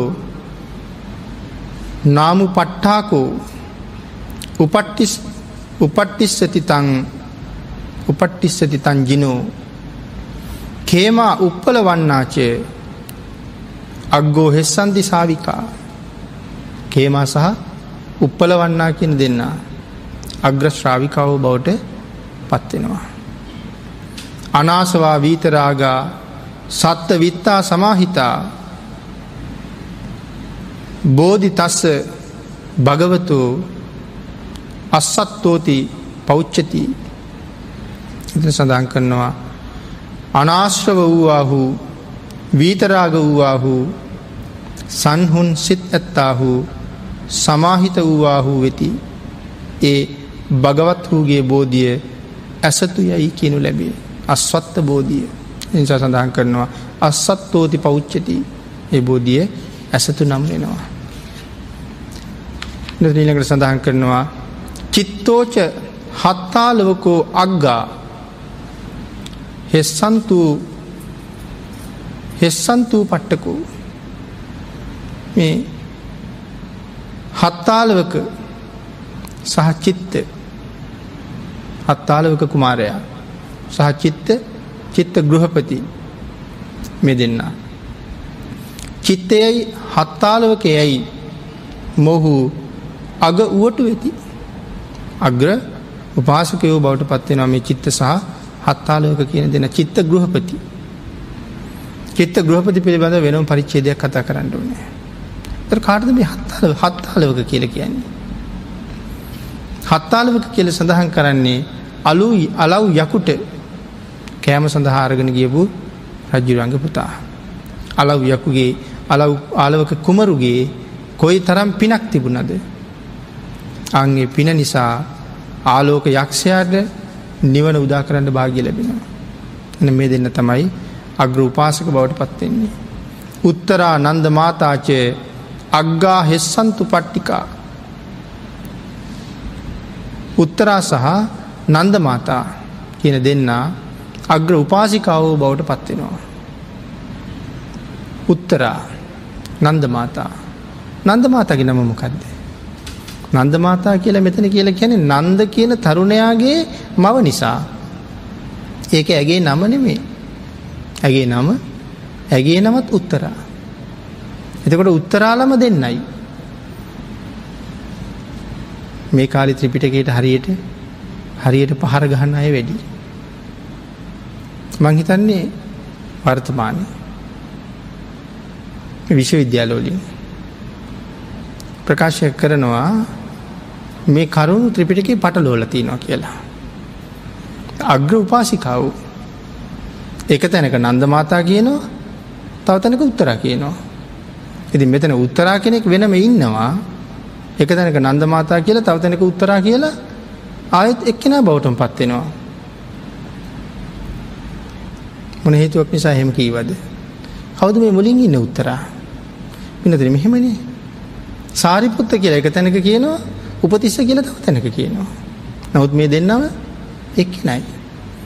මෙතන උත්තරා කියල කෙනෙ කුජ්ජුත්තරාට එක ධර්මය අපුරුවට අපුරුවට පැහැදිලි කරනවා මේ කුජ්ජුත්තරා කියලා. ඉති මෙතන මේ ගාතාව කුජ්ජුත්තරා කියලා කැල්ලක් සම්පූර්ණ සඳහන් කරලා නැහැ ගාතාව රවුන් කරන්න නිසා එතන උත්තරා කියලා සඳහන් කරලා තියෙනවා. එතකොට නන්දමාතා කියන්නෙත් උත්තරා ඒ කාගේ උත්තරාද. ඒ පුන්න කියන දුගියගේ දුව. අපට මතකයි පුන්න දුගිය කතාව සැරියුත් මහරතන් වහසර දානයක් දීලා. මේ දුගියට ඉන්න එකම දුවයි. ඒ දුව තමයි මේ නන්ද මාතා කියල කියන්නේ. අට සිරිමා තෙල්වක් කරන්න එහෙම ගිය. නන්ද කියන මානෝකයගේ අම්මා රජ්ජුරු නන්ද මරණෝ තමගේ පුතා නමුත් තමන්ගේ පුතා රජ්ජුරුව වැරදි චෝදනාවක් දාලා මරල දෙම්මට එක කඳුලක්වත් එහෙම පිට වෙන්නේ ඇහිම් පිට වෙන්න නෑ. සකදාගාමි වෙලා ඉන්නේ. ඉතින් මේ අග්‍රෝපාසිකාව ඉති මේ එක තැනක උත්තරා කියල සඳහන් කරවට ඒ කුජ්ජුත්තරා අතන උත්තරා කියල සඳහන් කරන ඇය උත්තරාමයි. ඒ නිසා මෙතන නන්ද මාතා කියලා සඳහන් කරන අග්‍රපාසිකාව. ද මේ ධර්ම කාරණා එහෙම අය නැවත ත්‍රිපිටකේ පෙරල්ලා කරුණු හොයලා ඉදිරිපත් කරනවා නං ඒ අයගේ සංසාර යහපත සඳහා හේතුවෙයි එමනත් මේ ත්‍රිපිටකයට පහර ගහන්ඩ ගිය ලැස්ති වුණොත් ඒක පටලුවන් ලැස්තිනුත් අවිචයට යන්න සිද්ධ වෙනවා කියන එක වෙන කාටවත් නවත්තන්න බැරිවී. ආයු ආයු වස්සතන් තස්ස ගෝතමස්ස යසස්සිනු. එතන සඳහන් කරනවා මේ ගෝතම ගෝතමයන් වහන්සේගේ අග්‍ර උපාසක අග්‍ර උපාසිකාව මෙන්න මේ ඇයි. ඉදං සුත්වාන වචනං අස්මස්සස් අස්මස්ස මහේසිනෝ ආමෝදිතා නරමරු බුද්ධ බීජාංකුරෝ අයන් සඳහන් කරනවා. අසම වූ මහා රිෂීන්ගේ මෙවදන් අසා මේ බුද්ධාංකුරයකැයි දේව මනුෂ්‍යෝ සතුටු වහ. මහා රිෂීන්ගේ මෙවදන් අසා. මෙතන මහා රිෂි කියල සඳහන් කරන්නේ දීපංකර බුදුරජාණන් වහන්සේට. උන්වහන්සේගේ මෙන්න මේ වචන ටික අහලා දෙවිය සහ මිනිස්සු අප්‍රමාණුව ප්‍රීතියට පත් වනා මේ බුද්ධාංකුරයක් මේ බුද්ධාංකුරයක් මේ බුද්ධාංකුරයක් කිය කියා ප්‍රීති වෙමින් ඔල්වර සන්දෙන්ට පටන් ගත්තා. සඳහන් කරනවා උක්කුට්ටි තස්සද්දං වත්තෙන්ති අපෙත්තෝටෙන්ති හසන්තිච. කතංජලී නාමස්සන්ති දස සහස්සී සදේවකු. ඔල්වරසන් පවත්තති අත් පොලති සිනාසෙති දස දහසක් සක්කොල දෙවියන් සහිත ලෝවැසියෝ. එකල ඇදිලි ඇත්තාහු නමස්කාර කෙරිත්. දෙවිවරු ප්‍රීති ගෝසා පවත්වනවා ඔල්වර සන්දෙනවා අත්පොල සන්දෙනවා ඇදිලි බැඳගෙන ඇදිලි බැඳගෙන නමස්කාර කරනවා. මිනිස්සුත් දෙවියොත්. මිනිස්සු අප්‍රමාණ ප්‍රීතියෙන් ප්‍රීතියෙන් ප්‍රකාශ කරනවා. මේ බුද්ධාන්තරය තුළ අපිට බැරිවුණුත් නිර්වාණ අවබෝධය කරන්න මේ බුද්ධාංකුරය සම්මා සම්බුද්ධත්වය පසක් කරන ශාසනයේ අපි බුදු වෙනෝමයි මෙම මිනිස්සු ප්‍රාර්ථනා කරනවා. බුදු පිරිස කොච්චර ඈත ඉඳලා දෙන්නේ. අපේ රටේ අන්තිමට පහළ වෙච්ච මහරහතන් වහන්සේ කියලා අපි විශේෂයෙන් හඳුනගත්තේ මලී දෙව මහරහතන් වහන්සේ. අපේ බෝසතාණන් වහන්සේ පාරමිතාපුරණ කාලීදල පිටි පස්සෙන්ගෙන මලී දෙව මහරහතන් වහන්සේ. කොච්චර කල්ලෙනවාද බුදු පිරිස් හැබැයි ඒ කාලි සුරා සොඩික් හරියට සුරා බොන කෙනෙ කොතන මේක තියෙන මේ කතාවත් තියෙන හත්ති පාල ජාතිකමයි අන්තිමට ඉතුරෙන අට දෙනෙක් ගැන කියන අට දෙනාගෙන් එක් කෙනෙක් අන්තිමට නිවන් දකින කෙන තමයි මලිදේව මහරතන් වහන්සේ. මේ එකම බුදු පිරිස. අර රජ්ජුරු පුරෝහිත බ්‍රාහ්මණය දරුව තුන් දෙෙන මේ ඔක්කොම රජ සැම්පත් පව ඔක්කොම අතඇරල ගියන්නේ. ඊට පස්සේ මේ නගරවලට එන අය කෝ මේ නගර පාලුවෙයි කෝ මේ නගරවල හිටපු අය කෝ මේ රජවරු කියලාහනකට මේ සුරා සොඩුන්ගින් තමයි ඇවිල් ඇහුවේ ඒගොල්ල තමයි කිවේ ඒගොල්ල නිවන් හොයාගෙන යන්න ගිය කියලා. එතන් සසර කෙරවල හොයන්ඩ යන්ඩ ගිය. එහෙම කියපු එදා හිටපු සුරා සොඩුන් අට දෙනෙක් පිළිබඳව හත්ති පරජාතිකය වෙනම වෙනම සඳහන් කරලා තියෙනවා. එනම් මෙතන මේ පිරිසත් ප්‍රාර්ථනා කරනවා දීපංකර පාදමූලියෙන් නිවන් යාගණ්ඩ බැරි වුණොත් ඔබ වහන්සේළඟ නිවන් දකිින්ට අපි අපි එනවා කියල මේ පිරිස සඳහන් කරනවා. යදි මස්ස ලෝකනාතස්ස චිරජ්ජිස්සාම ශාසනං අනාගත මහි අද්ධානයේ හෙස්සාම සම්මුඛායිමං මේ. පිරිස සඳහන් කරනවා ඉදින් මේ ලෝකනාතයන්ගේ සස්න වරදමෝ නම් එකැන මේ ශාසනය අපිට වරදමෝ නම් පෙරදුනේ නම් අනාගත කාලයෙහි මොවුන් හමුවන්න අම්මහ අනාගත කාලයේ මොවුන් හමුවෙන් නම්හ අපි මේ මුන්වහන්සේ හමුවෙන්ඩ හමුවෙන්ඩෙනවා කියල සඳහන් කරනවා. යම්සේ මිනිස්සු ගංහෝ තරණය කරන්නාහු පූතිමුක තීර්ථය වරදයට තොටෙහිගෙන මහගඟට තරණය කෙරෙද්ද. මෙතන සඳහන් කරන යම්සේ මිනිස්සු. ගංහෝ තරණය කරන්නාහු පූතිමුක තීර්ථය වැරැද්ද යට තොටෙහි ගෙන මහ ගඟ තරණය කරන්නෙද්ද. මිනිස්සු ගඟ තරණය කරන්න ආහම සඳහන් කරනවා පූතිමුක තීර්ථය ප්‍රථම උඩින්ම තියෙන තොටපොලින් යන්න බැරිවුණොත් පල්ල හැතොටින් හරි එතර වෙන්ඩ පුළුවන් උඩ තොටෙන් එතර වෙන්න බැරිනම් පල්ල හැතොටින් එතර වෙන්න පුළුවන් කියලා සඳහන් කරනවා. එමන භාගිතුන් වහසෙත් එක්ක දිගින් දිගටාපු බුදු පිරිස. මේ විදිහට සංසාරයේ උන්වහන්සගේ ශාසනය තුළ මේ ශාසනයෙන් මෙතනින් නිර්වාණ අවබෝධය කරනවා කියල් තීරණය කරපු අය. ඒ ශාසනින් මේ වෙනකොට සෑහෙන්ඩ සෑහෙන් දෙතර ගියා. නමුත් අපි අපි උන්වහන්සේට මේ සංසාරය පුරා බුද්ධ කාරක ධර්ම පුරාගෙන එනකොට අපි හරියට උපස්ථාන කළා. බොධිසත්වයන්ට අපි උපස්ථාන නොකලා කියල කියන්න කිසි කෙනෙකුට බැහැ. මං උන්වහන්සේට පැංගුරක් නුදුන්නා කියල කියන්න කිසි කෙනෙක් නැහැ මං උන්වහන්සේට බත් සරලුවක් නුදුන්නා කියන්න කිසි කෙනෙක් නැහැ. මිනතුනි ලෝකයේ දුර්ලභ කාරණ පහක් භාගිතුන් වහස දේශනා කලාන්නේ අංගුත්‍ර නිකාය පංචක නිපාතේ. පස්වෙනි එක තමයි කළගුණ දන්න කළගුණ සලකනාය ලෝකෙ පරම දුර්ලබයි. අංගුත්තර නිකාය තික නිපාතිත් සඳහන් කරනවා මෙන්න මේ කළගුණ දන්න සලකනාය දුර්ලබයි. එතන කරුණු තුනයි පැහැදිලි කරන්නේ එතනත් සඳහන් කරනවා තුන්ගනි කාරණාව හැටියට කළගුණ දන්න අය දුර්ලබයි. එනම් භාග්‍යතුන් වහන්සේ තරන් කළගුණ දන්න අය ලෝකෙ කොහෙවත් නෑ. උන්වහන්සේ පැහැදිලි කළේ යමෙකුගෙන් මේ ජීවිතය ලැබුණේ වතුරෝගුරක්ද ජීවිත කාලෙට මොහු අමත කරන්න එපා කියලා. මට මහලොකු දෙයක් දුන්නේ.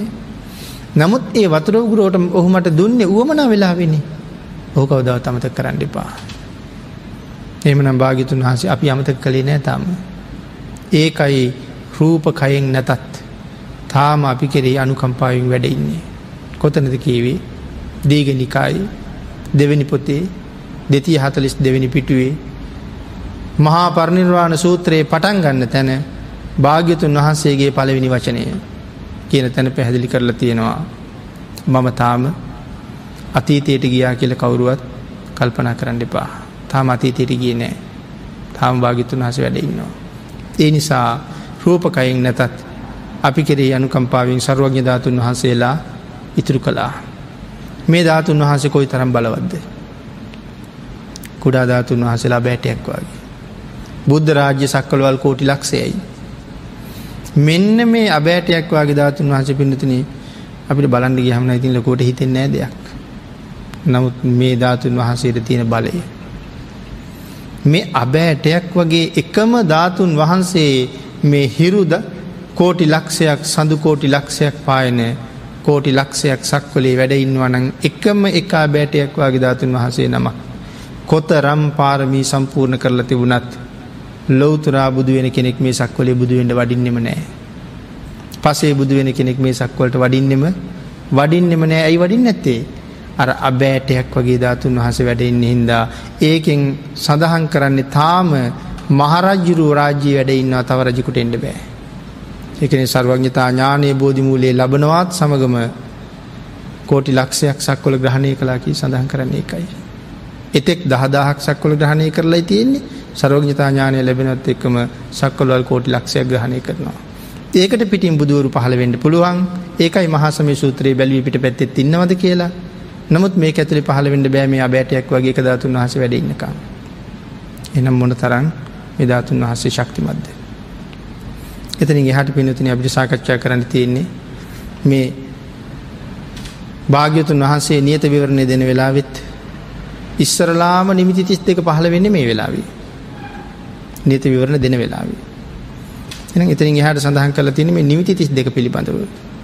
ඒ කාරණාව අපි දීපංකර බුදුරජාණන් වහන්සේගෙන් සාකච්ඡා කරලා තියෙනවා. නිසා එතනින් එහාට අපිට අය සාකච්ඡා කරන්න තියෙනවා අද දවසට කාලේ නිමා වෙලා තියෙන නිසා අද ධර්ම දේශනාව අපි මෙතනින් නිමා කරමු.